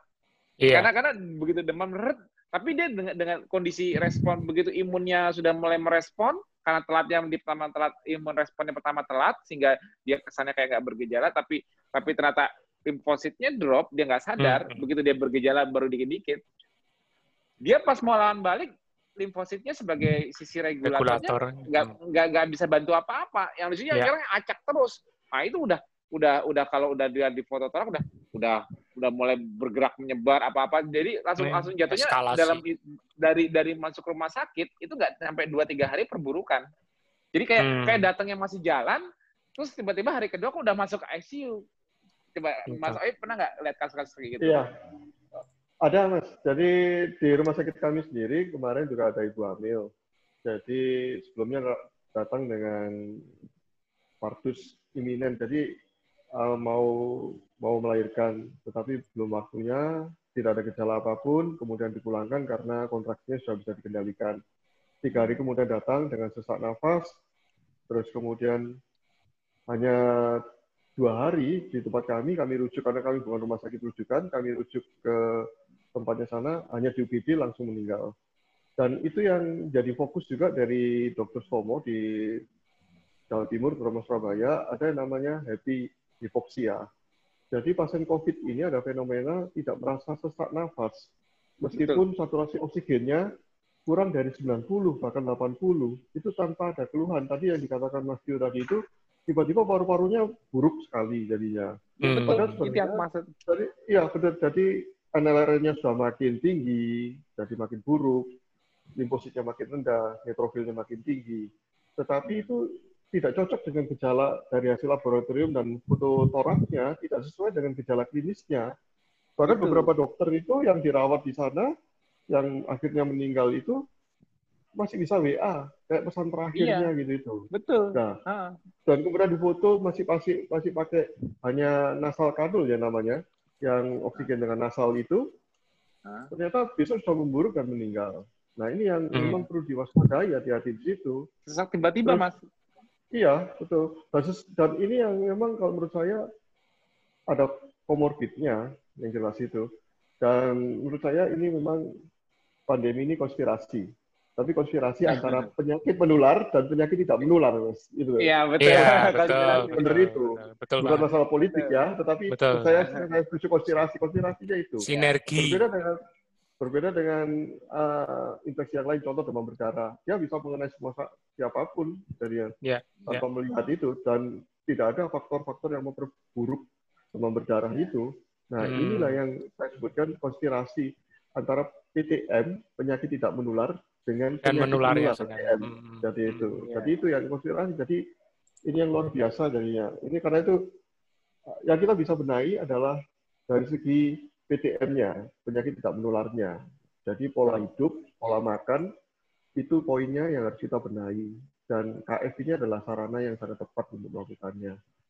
Hmm. Uh, karena kita tidak bisa menghindari virusnya. Virusnya sendiri makin lama makin banyak, kemudian uh, bisa mutasi yang tidak bisa kita duga, ya. ya. Lalu pola hidup masyarakat lingkungan kita sekarang ini apakah bisa semuanya pakai masker dengan baik? Tidak bisa kan kita cegah. Susah. Bahkan dikatakan sekarang ini mau mengarah ke airborne disease. Jadi artinya bukan droplet lagi, tapi virusnya bisa di udara selama 8 ah. jam gitu loh. Tapi ternyata itu uh, memang benar, tetapi hanya pada ruangan tertutup saja yang tidak yeah. dengan baik. Kemudian kredit. Nah sekarang kan masyarakat kan tidak bisa membedakan antara new normal dan normal. Jadi merasa hmm. normal, ya makan, ketemu, ketemu, ketemu balik lagi karbo. Eh, ya sudah, itu berhubungan dan kita sendiri juga dari KF sendiri juga harus tidak bisa jumawa artinya sombong bahwa yeah. kita kuat yeah. kok. Tapi kalau hmm. tadi pernah di PFH kapan itu Mas dia mengatakan hati-hati dengan viral load kan. Ya, ya viral dosis. Jadi pengaruh dosis. Hmm, dosis ya, paparan. Dosisnya itu, dosis paparan. Jadi itu yang berbahaya. Hmm. Jadi, Makanya resiko yang terbesar kan di, di, di resiko terbesar itu di nakes. Di ya. nakes. Kenapa? Karena walaupun uh, menakes yang KF pun juga tetap harus jaga. Kenapa? Karena karena kapasitas. Jadi gini, natural natural naturalnya manusia ketemu virus itu selalu dalam dosis rendah karena di nature yeah. di alam ya. Yeah. Nah, tapi kalau di yeah. kondisi semakin padat populasi, cara virus menularkan itu sudah nggak natural. Kenapa? Karena dosisnya makin gede. Jadi kadang-kadang yeah. bisa kalau terlalu gede dosisnya, uh, imun kita walaupun bagus tapi nggak siap karena overwhelm karena terlalu banyak yang jadi beberapa titik sekaligus replikasi karena hmm. exposure-nya itu lebih banyak dibanding cuma berapa titik direspon. Tapi kalau hmm. tiba-tiba hmm dosisnya tiba-tiba banyak, yang banyak yang terinfeksi dan banyak yang replikasi kan overwhelm juga. Ya. Uh, Kewalahan. Itu yang aku maksud, yang itu yang aku maksud dengan dosis. Jadi dosis terbesar itu pasti di rumah sakit. Dosis dosis terbesar juga di luaran pada saat banyak orang berkerumun. Nah itu dia, itu yang harus ya. benar-benar diwaspadai itu. Hmm. Jadi itu, jadi memang kita harus. Tapi tadi itu saya katakan bahwa benteng terakhir adalah tubuh kita. Karena itu kita harus care terhadap tubuh kita. Tanpa itu kita nggak bisa uh, sebagus apa pun masker yang kita pakai, face shield, Google, tetap bisa ya, memasukkan. Apalagi kalau cara pakainya juga salah, mas. Itu yang berbahaya. Justru gitu. Hmm. Kalian, mas, saya titip, mas, dalam forum ini kalau bisa, edukasi semuanya. Boleh? Boleh, boleh, boleh dong. Jadi misalnya, misalnya pakai masker begini, ya. Nah, di masyarakat banyak yang pakai masker, tapi gini, mas, Nah ini sama aja. Kalau di ini nih, ini virusnya nampil sini, ini di vakum cleaner masuk ke sini. Ya. Nah, ini yang saya bahkan pejabat pun melakukan seperti ini. Dia sudah terekspos. Ini pakai masker. Jadi gitu. Jadi kalau melepas masker, seharusnya bukan diturunkan ini, tapi dilepas satu sini. Hmm. Kemudian kemudian karena itu nakes-nakes juga terkena itu meskipun sudah pakai masker ternyata salah dalam menggunakannya. Hmm. Salah satunya juga sering dipegang ini, nah gini ini, terus betul kan gini. Hmm. Ini kan hmm. setiap kali pegang di depan gini, kita harus cuci tangan, harus cuci tangan. Hmm. Pokoknya pegang masker harus cuci tangan. Nah, tapi kan kita nggak nggak pernah menyadari pegang-pegang gini, kemudian ngucek mata, masuklah ke mukosa mata, atau hmm. kemudian maaf mobil ya, ya masukkan itu. Nah inilah yang dikatakan saya saja di Kota Batu saya, saya coba survei di pasar itu sebagian besar sudah pakai masker, tetapi cara makainya yang salah.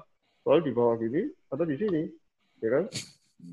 Nah, jadi ya demikian juga di rumah sakit ternyata tidak semua orang bisa disiplin seperti itu. Karena itu ada fenomena unik. Jadi yang menangani COVID di ruang COVID, di ruang memang kontraksi dengan COVID, ternyata dites rapid testnya non reaktif semuanya. Jadi justru yang tidak khusus dengan COVID justru menjadi korbannya. Dan itu sudah state kemarin menyatakan bahwa sebagian besar dokter yang meninggal itu tidak berhubungan langsung dengan COVID. Hmm. ya awal kalau nggak salah direktur saja empat orang yang kan direktur sudah menangani pasien. Oh ya? Gitu. ya, serem juga. Iya. Jadi jadi yang kebanyakan yang kena itu nakes itu bukan yang langsung dengan COVID yang berhubungan Betul. dengan pasien maksudnya. Bukan ya, bukan, pasien bukan yang COVID langsung. Iya, justru yang berhubungan dengan pasien langsung itu mereka APD-nya lengkap dan selalu Iya. diawasi bagaimana cara pakainya, bagaimana cara melepasnya, gitu itu. Oh iya, iya, Hmm. betul juga sih. Ha. Ada ada Jadi- proseduralnya soalnya ya.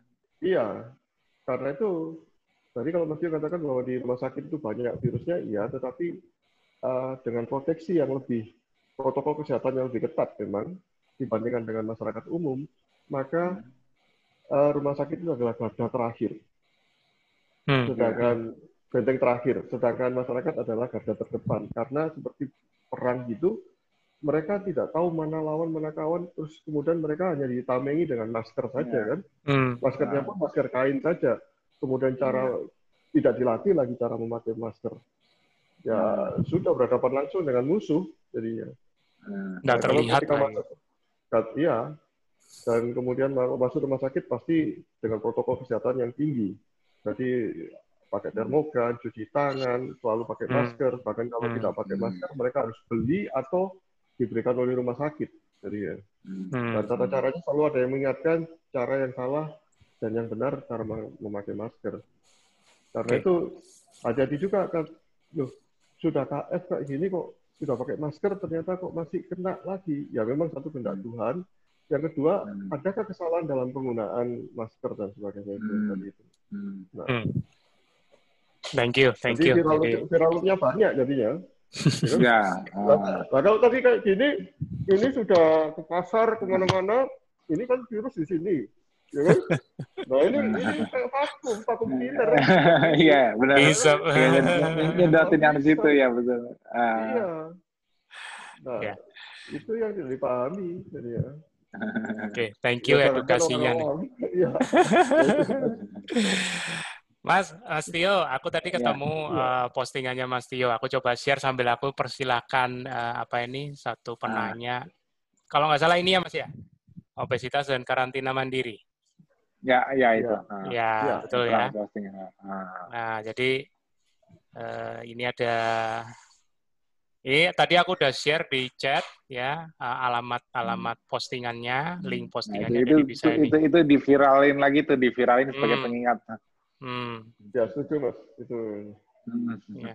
Jadi pada intinya me- membagi, eh, me- menegaskan lagi bahwa kondisinya eh, lingkungan yang obesogenik dan juga Ya, ya, linogenik. lingkungannya. Nah, Nah, kalau itu kan lingkungan, kalau lingkungan yang dibuat itu kan lingkungan yang yang membuat orang nggak usah tahu ilmu apa-apa, udah pasti mereka di yang di paling bawah itu gambar itu mereka pasti lean. Lean itu kenapa? Karena mereka makan nggak siap bisa setiap saat, ya kan? Ya. Dan mereka harus bergerak, ak- mau nggak mau harus aktivitas fisik untuk mencari makannya. Kalau mereka nggak gerak, mereka nggak bisa makan. Mau makan yang Betul. nyari betul. Dan mereka di kondisi di, seperti di bawah itu mereka tidurnya nggak mungkin malam, stresnya juga nggak bakal tinggi karena mereka cuma stresnya gimana cara bisa makan aja. Nah, Hmm. Bahwa lima, lima, lima pilar yang kita ajarkan di KF itu di, terbentuk secara alami tanpa perlu diajarin di lingkungan yang bawah. Hmm. Nah, tapi lingkungan yang atas, kalau ngikutin alam alam di atas itu mah berantakan ya itu obesitas ini sifat sifat lingkungan kita saat ini menunjukkan bahwa lingkungan kita saat ini kalau kita ngikutin tanpa kita ngerti apa yang kita makan apa yang kita lakukan ya Hmm. oh, lingkungan kita itu sangat lingkungan yang sangat obesogenik jadi sebenarnya aku sering cerita juga kenapa yang yang kenapa Mas Doli bilang memang Mas Doli bilang bahaya kalau kita herd immunity karena 30 persen obesitas di Indonesia berarti makan bisa makan korban berapa? Bapak Bapak tadi 10 juta ya? Hmm. 10 Nah, juta itu- orang fatal. Iya, fatal. Kenapa? Karena sudah ditunjuk bahwa lingkungan kita sudah disetting jadi lingkungan obesogenik. Tingkat Hmm. jadi masyarakat tanpa pendidikan, maksudnya masyarakat yang tidak mau belajar, tidak mau mempelajari cara sehat bagaimana, nggak mau mempelajari obesitas, ngikutin aja apa yang ada, apa yang mudah, gampangannya makan karbo dibanding makan ikan, telur, ayam, daging. Susah Hmm. itu kalau makan itu mahal. Kalau makan kalau kalau mahal cuma bisa makan sekali sehari. Ya memang akhirnya sama kayak yang di bawah. Pada saat sesuatu yang mahal, sesuatu yang sulit, akhirnya kita hanya terbatas makannya. Ya sama seperti kondisi alam di bawah, kita mem- membentuk kembali kondisi obesogenik yang sudah ada sekarang menjadi linogenik dengan dengan dengan boundaries yang kita bikin. Kenapa kok mau aja susah-susah gaya hidup KF nggak bisa makan dari pagi, nggak bisa makan apa aja, makan milih-milih. Ya sebetulnya kita Hmm. secara nggak langsung kita mem- membentuk cara hidup yang dibentuk oleh alam dulu sebelum terkorupsi. Nah, Hmm. sekarang kan Hmm. alam Hmm. sekarang kan terkorup bukan maksudnya bukan terkorupsi tapi alam sekarang kan sifatnya itu kan kalau kita ngikutin keluar dari sini kita tinggal beli lapar nggak lapar tinggal makan karena pengen enak Betul, dan betul. dan terjangkau kan Betul. makan makan terus terus aduh malas jalan ke sana udah naik naik ojek naik apa Hmm, hmm, sampai kantor duduk lagi ya kita kalau ngikutin alam sekarang sih sebetulnya ngapain kita gerak? Ngapain kita nggak makan? Ngapain kita tidur cepet oh, nanti malam ada sinetron kok mau masih ada apa bola apa misalnya. Nah itu. Jadi jadi al- yang sebetulnya kalau dipikir-pikir yang merusak yang merusak manusia sekarang ya alam. Karena alamnya sifatnya obesogenik dan eh, sindrom metabolik genik. Karena karena membuat orang mudah menjadi mengalami sindrom metabolik. Kalau nggak nggak punya ilmunya makanya aku bilang Hmm, KF itu perlu perlu nah itu yang aku bilang devolution tuh. Sedentary lifestyle sedentary lifestyle kita itu dibentuk oleh alam.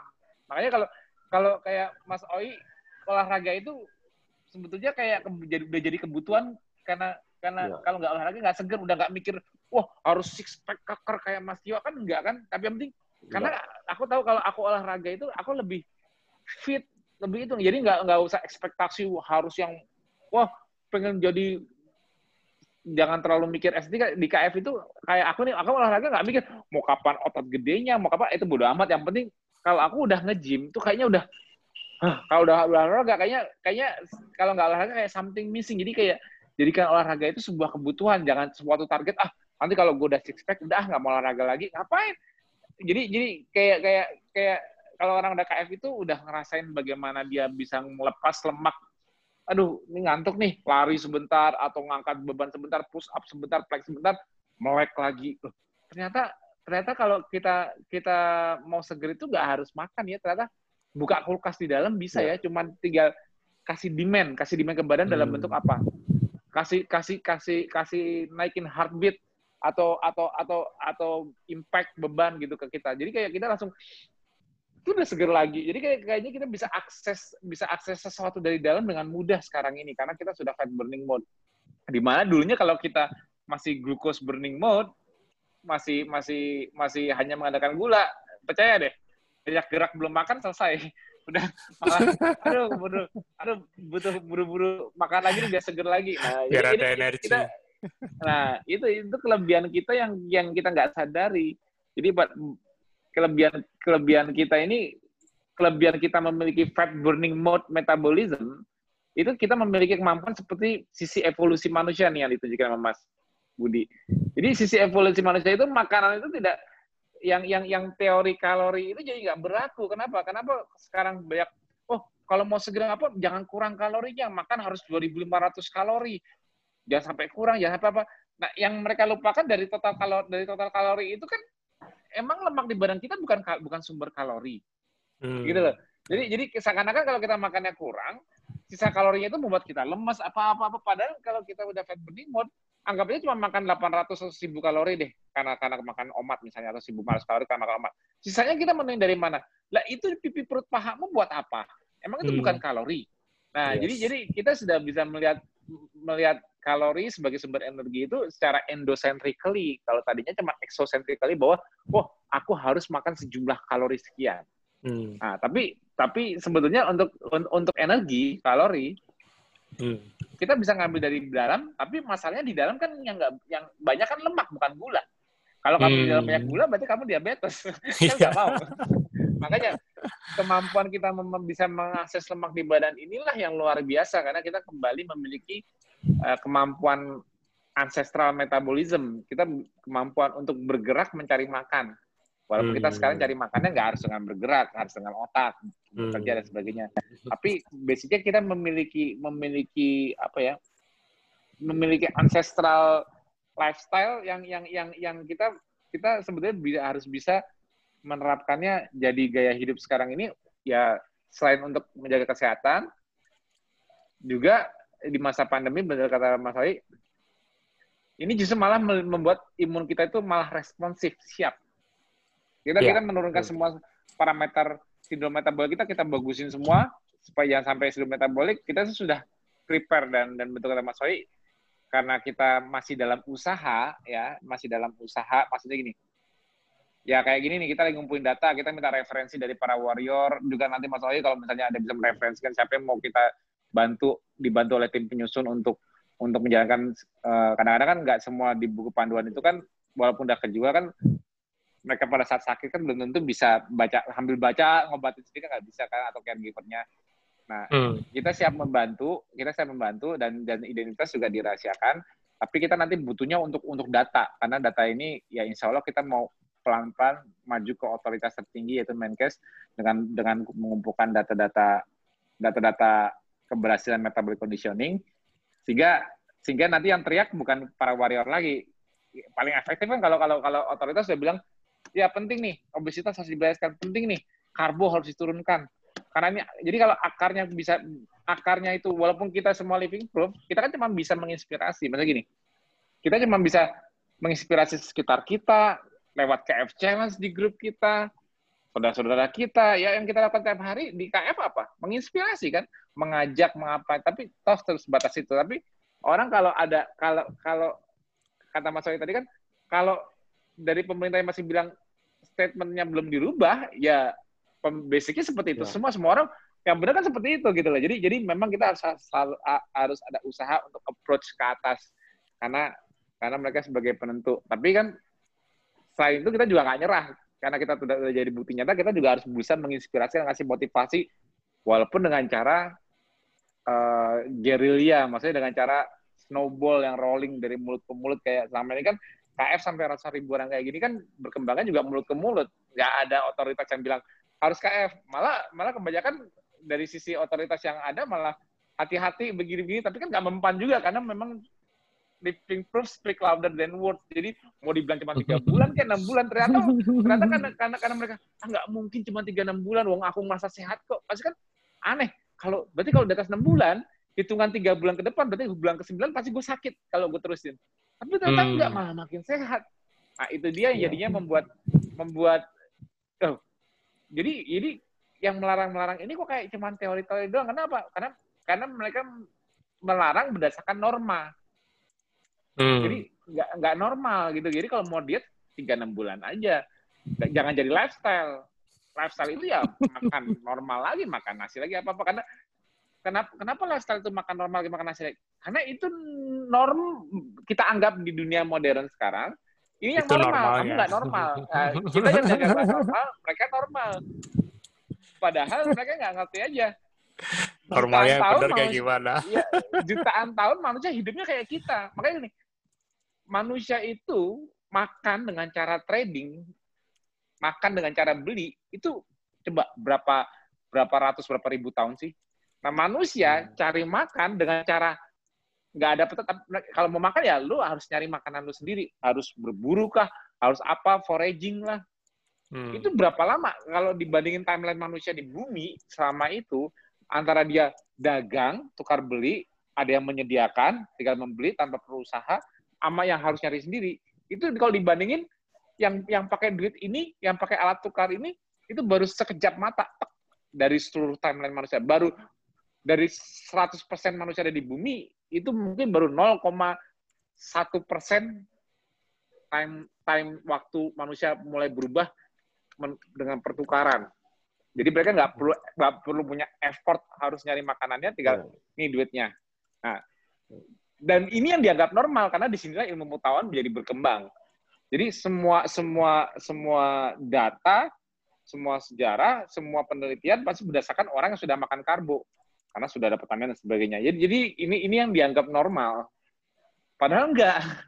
Padahal padahal kita justru malah memflip koin di mana kita mengangkat kembali di ancestral metabolism yang yang ah kok bisa ya nggak makan.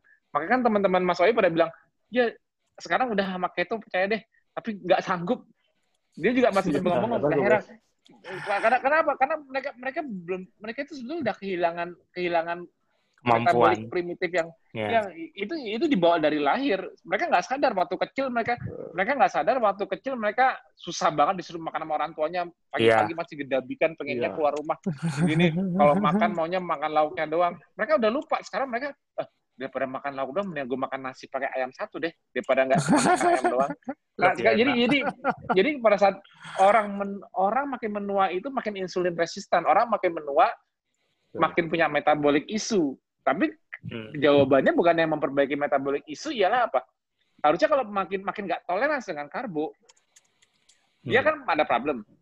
Uh, dia nggak toleransi dengan karbo, dia merasa gampang ini kayak mas oh ini contohnya semakin semakin bertambah umur, semakin uh, sibuk kerja, efeknya semakin tua itu apa? Semakin cepat ngantuk, gampang ngantuk. Jadi kayak yeah. kayak harus ada ngebus apa nih, harus ada ada booster apa gitu, harus makan dulu, harus apa apa apa hmm, apa. Hmm. Jadi energi, jadi makin tua seseorang, semakin dia tuh mengandalkan makanan untuk untuk menghilangkan gejala dia. Yes. Sedangkan semakin kita masih muda, kita itu malah makin sering lupa makan, waktu masih kecil atau muda makin makin nggak butuh makan anak-anak mungkin nggak perlu dikasih makan dulu untuk bertenaga. Sebetulnya mereka tanpa tanpa makan pun mereka bertenaga. Kita aja nggak percaya diri. Nah it, jadi jadi yang yang ngerasain kalau nggak makan nggak bertenaga itu sudah kita yang udah tua. Kita yang ah aku yang ntar kamu nggak bisa mikir dulu di sekolah. Nggak bisa oh jangan salah. Saya mas Oi mas Oi mikirnya malah jeleng kan kalau waktu belum makan. Iya. Itu jadi kita kita kita sebetulnya di KFT ngangkat ngangkat primal human metabolism. Jadi metabolisme primitif yang hilang. Jadi kayak orang-orang udah orang udah nggak nggak sadar dan dan menganggap yang normal ialah kalau kamu mau mau mau kuat seharian isi bensin Makan. dulu, isi bensin di depan gitu loh. Jadi bayangkan kalau manusia selama di bumi dari dari sejak dulu makanan dicari isi bensin sebelum kamu berburu ya. Isi bensinnya dari mana? Minum air. Oh, Buka kulkas dulu sebentar. Minum air. itu, itu makanya. Jadi ya sekarang jangan heran kalau ob, kalau obesitas merebak karena hmm. lingkungan kita sekarang obesogenik yang kita sebut namanya obesogenik itu artinya mudah membuat kita untuk menjadi obes. Kita nggak sadar, nggak bisa ngikutin, kita ngikutin flow-nya, nggak tahu cara cara menghindarinya, nggak tahu apa yang mesti jadi boundaries yeah. bagi kita terhadap dunia luar, ya selesai. Kalau kita kan hmm. kayak sekarang mau mau di luar ada orang mie goreng kayak mau apa mau apa. Kalau aku ikut KF berarti aku punya pembatas sendiri. Aku nggak bakal makan tipe-tipe hal seperti ini. Aku membatasi when aku makannya. Aku makan terserah mau ada orang makan gitu aku makannya jam sekian sampai jam sekian. Hmm. pada saat aku makan aku memilih. Makanku aku maunya kayak gini dan kayak gini. Nah hmm. kalau bayangin orang yang orang yang nggak punya batasan yang aku makan sih kapan aja ada makanan gue makan. Makannya hmm. apa apa aja yang enak gue makan. Bayangin orang seperti itu. Dilempar ke kota yang semuanya ada dan dia nggak punya duit untuk makan. Hmm. Selesailah dia. Selesai metabolic syndrome karena dia dia mengikuti mengikuti lingkungannya, apa, mengikuti alamnya, alamnya hmm. mau mau ya. aku makan apa aja yang bisa dimakan aku makan. Aku hmm. makan juga kapan aja, nggak perlu pakai waktu. Oke, orang seperti itu taruh di hutan, selesai dia KF. makan makan aja tuh daun-daun di hutan tuh banyak kok daun-daunan kalau mau tuh ada akar-akaran apa nggak enak mas ya, yang bilang enak siapa ada sawi ada kangkung ada apa grogotin aja tuh rebutan sama kambing nggak ada yang masakin mas oh ya udah terus kamu nyari apa ya? Saya makan kambingnya aja deh kambingnya lebih enak walaupun cuma dibakar doang kayak lebih enak kalau mau makan kambing, kejar dong kambingnya. Masa cuma di, hai kambing, gak bakal kalau. Akhirnya dia harus bergerak. Makanya orang yang, yang yang makan apa aja, yang bilang, aduh nikmatin hidup dong, makan apa aja, nggak usah dibatas-batasin. Makan dari pagi, nggak usah di, oh harus nunda-nunda jam segini. Orang yang mau kayak gitu, oke. Okay. Kamu ke hutan. makan apa aja, makan jam berapa aja. Ketemu-ketemunya makannya kayak kita ketemu makan di atas jam 12 paling hebat. Yang dia makan apa yang dia pilih? Terserah, mau milih, mau milih makan ke alam, ya terserah. Pasti makan apa? Mau bayarkan nabatnya atau hewani di hutan. Hmm. Nanti kan dia bingung, gimana ya? Nggak ada, nggak ada, nggak ada kebun jagung, nggak ada kebun buah. Semuanya sifatnya liar, tumbuh nggak beraturan, seasonal, dan yeah. nggak tahu Akhirnya, akhirnya, akhirnya, akhirnya orang-orang dengan yang nggak punya orang-orang yang nggak punya konsep nggak mau belajar kalau taruh hutan mereka selamat Hmm. Diselamatkan oleh alamnya yang linogenik. Artinya linogenik artinya alam di hutan itu atau di alam liar itu membuat membuat spesies spesies tersebut jadi lean. Lean karena kondisi. Kalau alam sekarang taruh di kota hmm. kita nggak tahu cara menghindarinya, ya ini sifatnya obesogenik. Nah, kalau ini dipahami oleh otoritas, sebetulnya hmm. mudah. Ya, tapi memang nggak mudah juga sih untuk bikin rule-nya. Tahu sendiri kan, kan hmm. kan memang kan akhirnya kan kalau kalau cara kayak kita kan mengganggu pergerakan ekonomi. ya aku sih nggak menyalahkan juga sih, walaupun walaupun intinya gini, intinya ya, intinya intinya awareness dari tiap orang bahwa tahu mereka sedang berada di situasi alam obesogenik. Ya. Kalau mereka sudah sadar pada masing-masing sendiri, mereka bisa bikin self awareness dan self limitation. Aku batasi diri sendiri. Nah, gitu aja. Tapi hmm. kalau kita kalau untuk menyuruh misalnya pemerintah untuk yang memberi pembatasan, misalnya memberi cukai gula apa apa begitu, aduh, kayaknya masih long way to go, kayaknya susah. Jadi memang yeah. real kesadarannya ya kita para warrior harus menginspirasikan bahwa menginspirasikan ke keluarga, teman-teman, sejawat. Kalau kita nggak berubah, kita nggak bisa membatasi diri, kita bakal terjebak di lingkungan obesogenik. Percaya deh Sindrom Betul. metabolik itu karena sindrom metabolik di mana-mana, penyakit mana-mana, life ekspektasi menurun, ya semuanya ya karena karena karena obesogenik. Semakin semakin bisa lingkungan kita menyiapkan makanan berbagai variasi makin banyak, semakin kumpulan community yang di dalam lingkungan ini yang lebih rentan mengalami sindrom metabolik. Jadi faktornya suatu alam. Nah kita nggak bisa merubah peraturan alam karena alam selalu berusaha ada ada perputaran ekonomi, ya kita sendiri membatasi diri. Kita memilih, kita mengatur when and what to it. Itu itu rahasianya. Ya, jadi memang kuncinya selalu di self awareness itu yang jadi tujuan kita di komunitas, termasuk juga Dr. Oi juga di rumah sakit tempat dia bekerja. Ya, walaupun dia sudah membuktikan mendapatkan manfaat dari pola hidup KF yang dijalani atau low carb yang dijalani, tapi pada saat dia berusaha untuk menyadarkan atau membuka kesadaran itu, uh, dia tidak langsung intervensi ya dok ya, tapi ya, membiarkan dulu. Ya udah dengan dengan metode yang ada dulu bisa nggak? Gitu lah ibaratnya. Nah kalau Dan sudah nggak bisa baru tuh, baru harus harusnya sudah mulai bertanya kenapa ya kok ini jadi sulit. Kenapa yang ini yang aku lihat di depan mata seorang direkturku kok bisa mudah untuk menjalaninya itu ibaratnya. Luar biasa. Ya. Ini walaupun diawali dengan istri yang sembunyi-sembunyi ya Mas ya. Iya. oh iya tadi ada pertanyaan, istri saya nakes ya? Iya, mantan perawat. Oh, perawat. ya, tapi mantan karena itu karena merawat suaminya saja. Cara merawat. rela merawat orang lain. Nggak rela merawat orang lain. Mantan perawat ICU dia.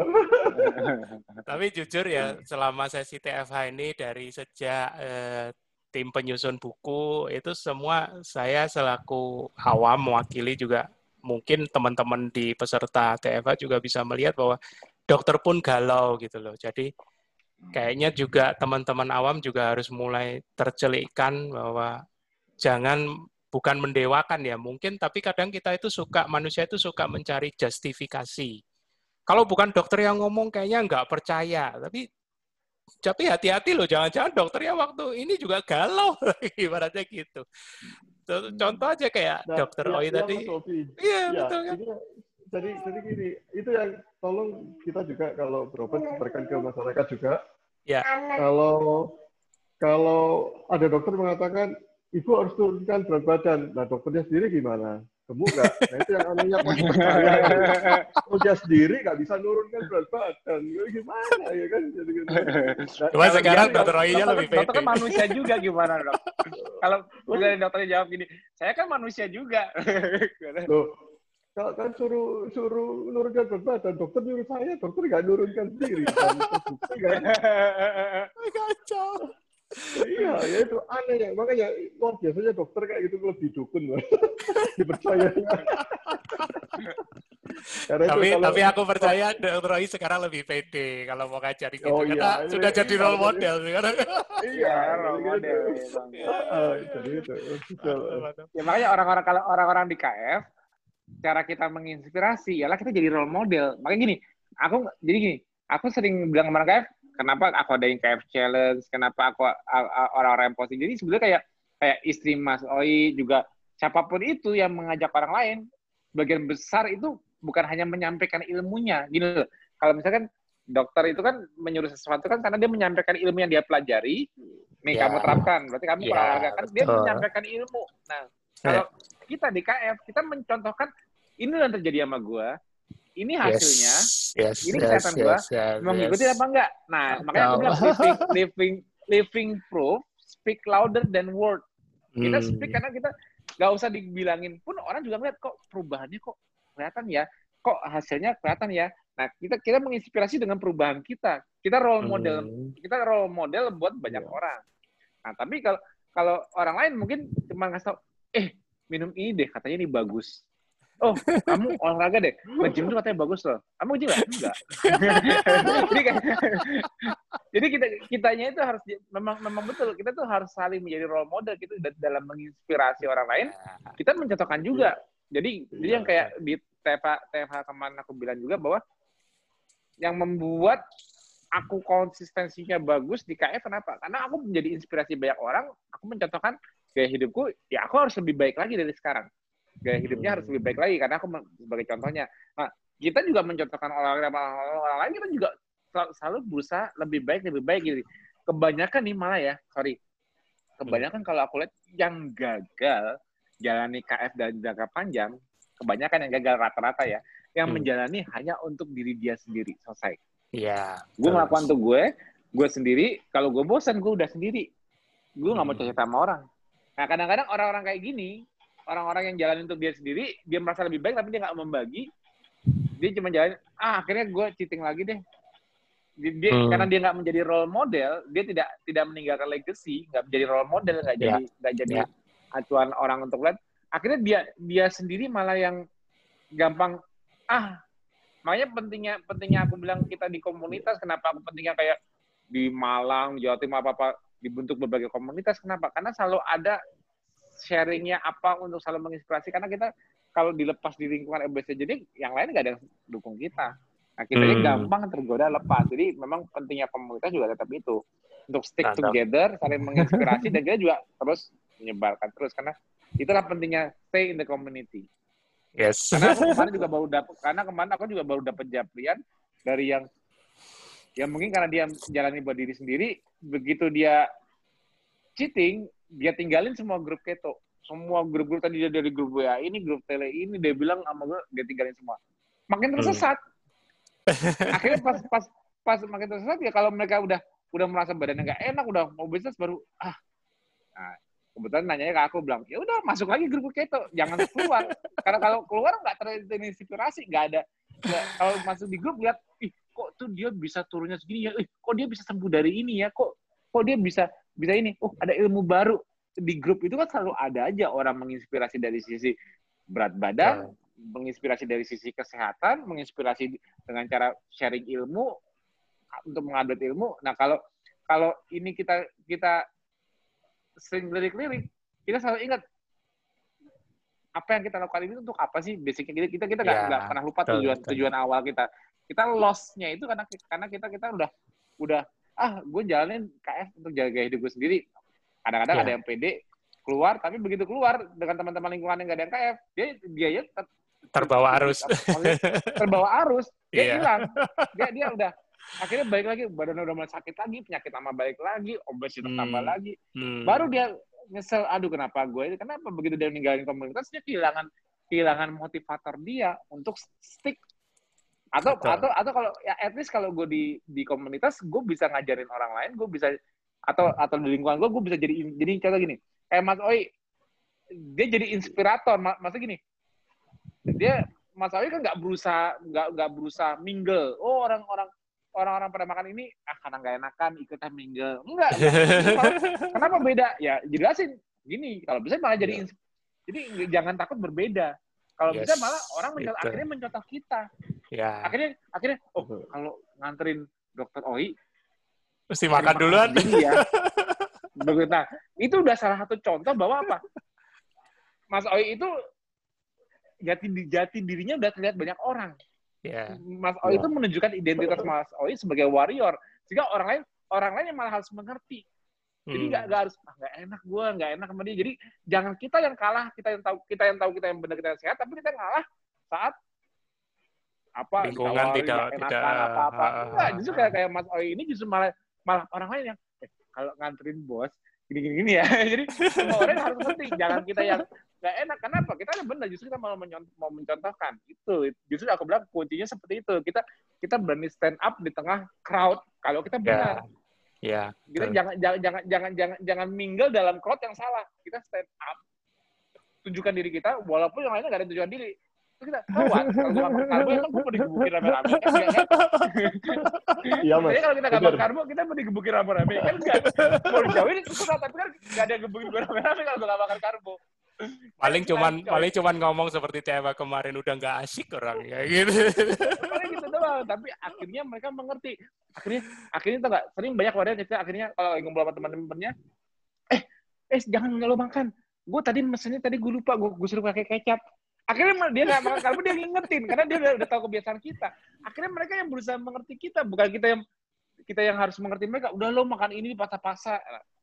Itu yang kuncinya jadi wadah itu kita harus harus bisa Aduh. identitas. Malah akhirnya kita dicontoh kalau kita bisa bisa mempertahankan identitas kita sebagai warrior, kita dicontoh bukan kita mencontoh. Jadi, Hmm. Iya di awal. Kita- betul Betul. di awal kemarin itu sempat ya di awal beberapa kan dengan ketua yayasan dengan yang pos-pos itu selalu goda, ayo ini lo enak, ya kan? Enak. tapi tapi jawaban saya adalah enggak, saya masih ingat kok rasanya.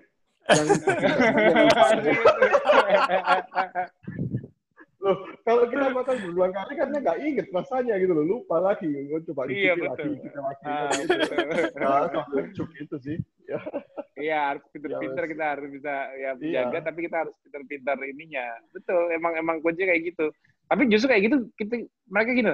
Makanya kan banyak yang bilang sama Mas Oi bilang, aku tahu keto bagus tapi aku nggak sanggup. Itu sebetulnya mereka tuh Iya. sudah mengakui. Mereka udah mungkin dulunya yang ngomong kayak gitu dulunya ngebully karena mereka apaan sih ini nggak hasil gini jadi Betul. ngebully. Tapi akhirnya akhirnya mereka kalau mereka udah ngomong kayak gitu udah Iya, aku tahu itu bagus tapi aku nggak sanggup. Itu mereka udah bendera putih. jadi jadi sebenarnya kita menang kita kita menang dalam menginspirasi. Mereka udah bendera putih. Iya. Iya. Iya kan karena orang sekitar kita tahu ini tahu bagus sih kayak kayak contoh gini. Orang-orang lihat ini orang kok udah tiga tahun empat tahun. Kalau orang biasanya kalau dia berat badannya naik turun ya, udah kurus tapi nanti gemuk lagi, kurus nanti Hmm. gemuk lagi. Hmm, hmm. Ini kok stabil terus kok bisa bisa gampang ya kayaknya kayak gampang padahal kalau orang diet cuma paling beberapa saat turun baru sedikit nanti gemuk lagi kalau udah males ini ini ini, ini Hmm. gitu. Kayaknya kalau ini kok kayaknya kok jalannya kayak konsistensinya mudah ya. Jadi Iya. jadi menjalani KF itu mudah mudah apa ya mudah konsisten karena karena nggak ada tuntutan fisiologi yang membuat kita kalah dengan diet kita kenapa kesannya kita mengurangi kalori karena membatasi jendela makan tapi tubuh kita secara fisiologi mendukung bukan menolak. Ada ada orang yang berdiet dengan cara mengu- tidak mengatur makronutrisi hanya makan pagi siang sore tapi hanya mengurangi porsi. Ini yang enggak ini yang enggak jangka panjang. Kenapa? Akhirnya dia akhirnya dia selalu masuk ke sisi dia makan lebih banyak gemuk lagi turun lagi gini-gini Yo yo. ini nggak sustainable karena pada saat mereka terlalu memperkecil porsinya kalorinya terlalu berkurang saat kebutuhan gula masih tinggi gulanya kurang lemes dia nggak jadi dia Hmm. batal langsung minum teh manis pasti kebanyakan kebanyakan dari itu kan gitu langsung minum teh manis kalau udah gagal Oke. Mas, kita sudah di penghujung nih jam 10. Monggo iya. closing statement dari Dr. Oi dulu. Silakan, Dok. iya iya Pak. sama-sama Halo, Dok. Halo. Oh, suaranya hilang nih. unmute Nggak masuk, nggak masuk di itu. Suaranya sih sudah oke, eh, maksudnya dari dari Zoom-nya masuk. Mungkin itu eh, wireless-nya habis baterainya. Oh, Baterai wireless wireless-nya habis. Wireless baterainya habis, Dok.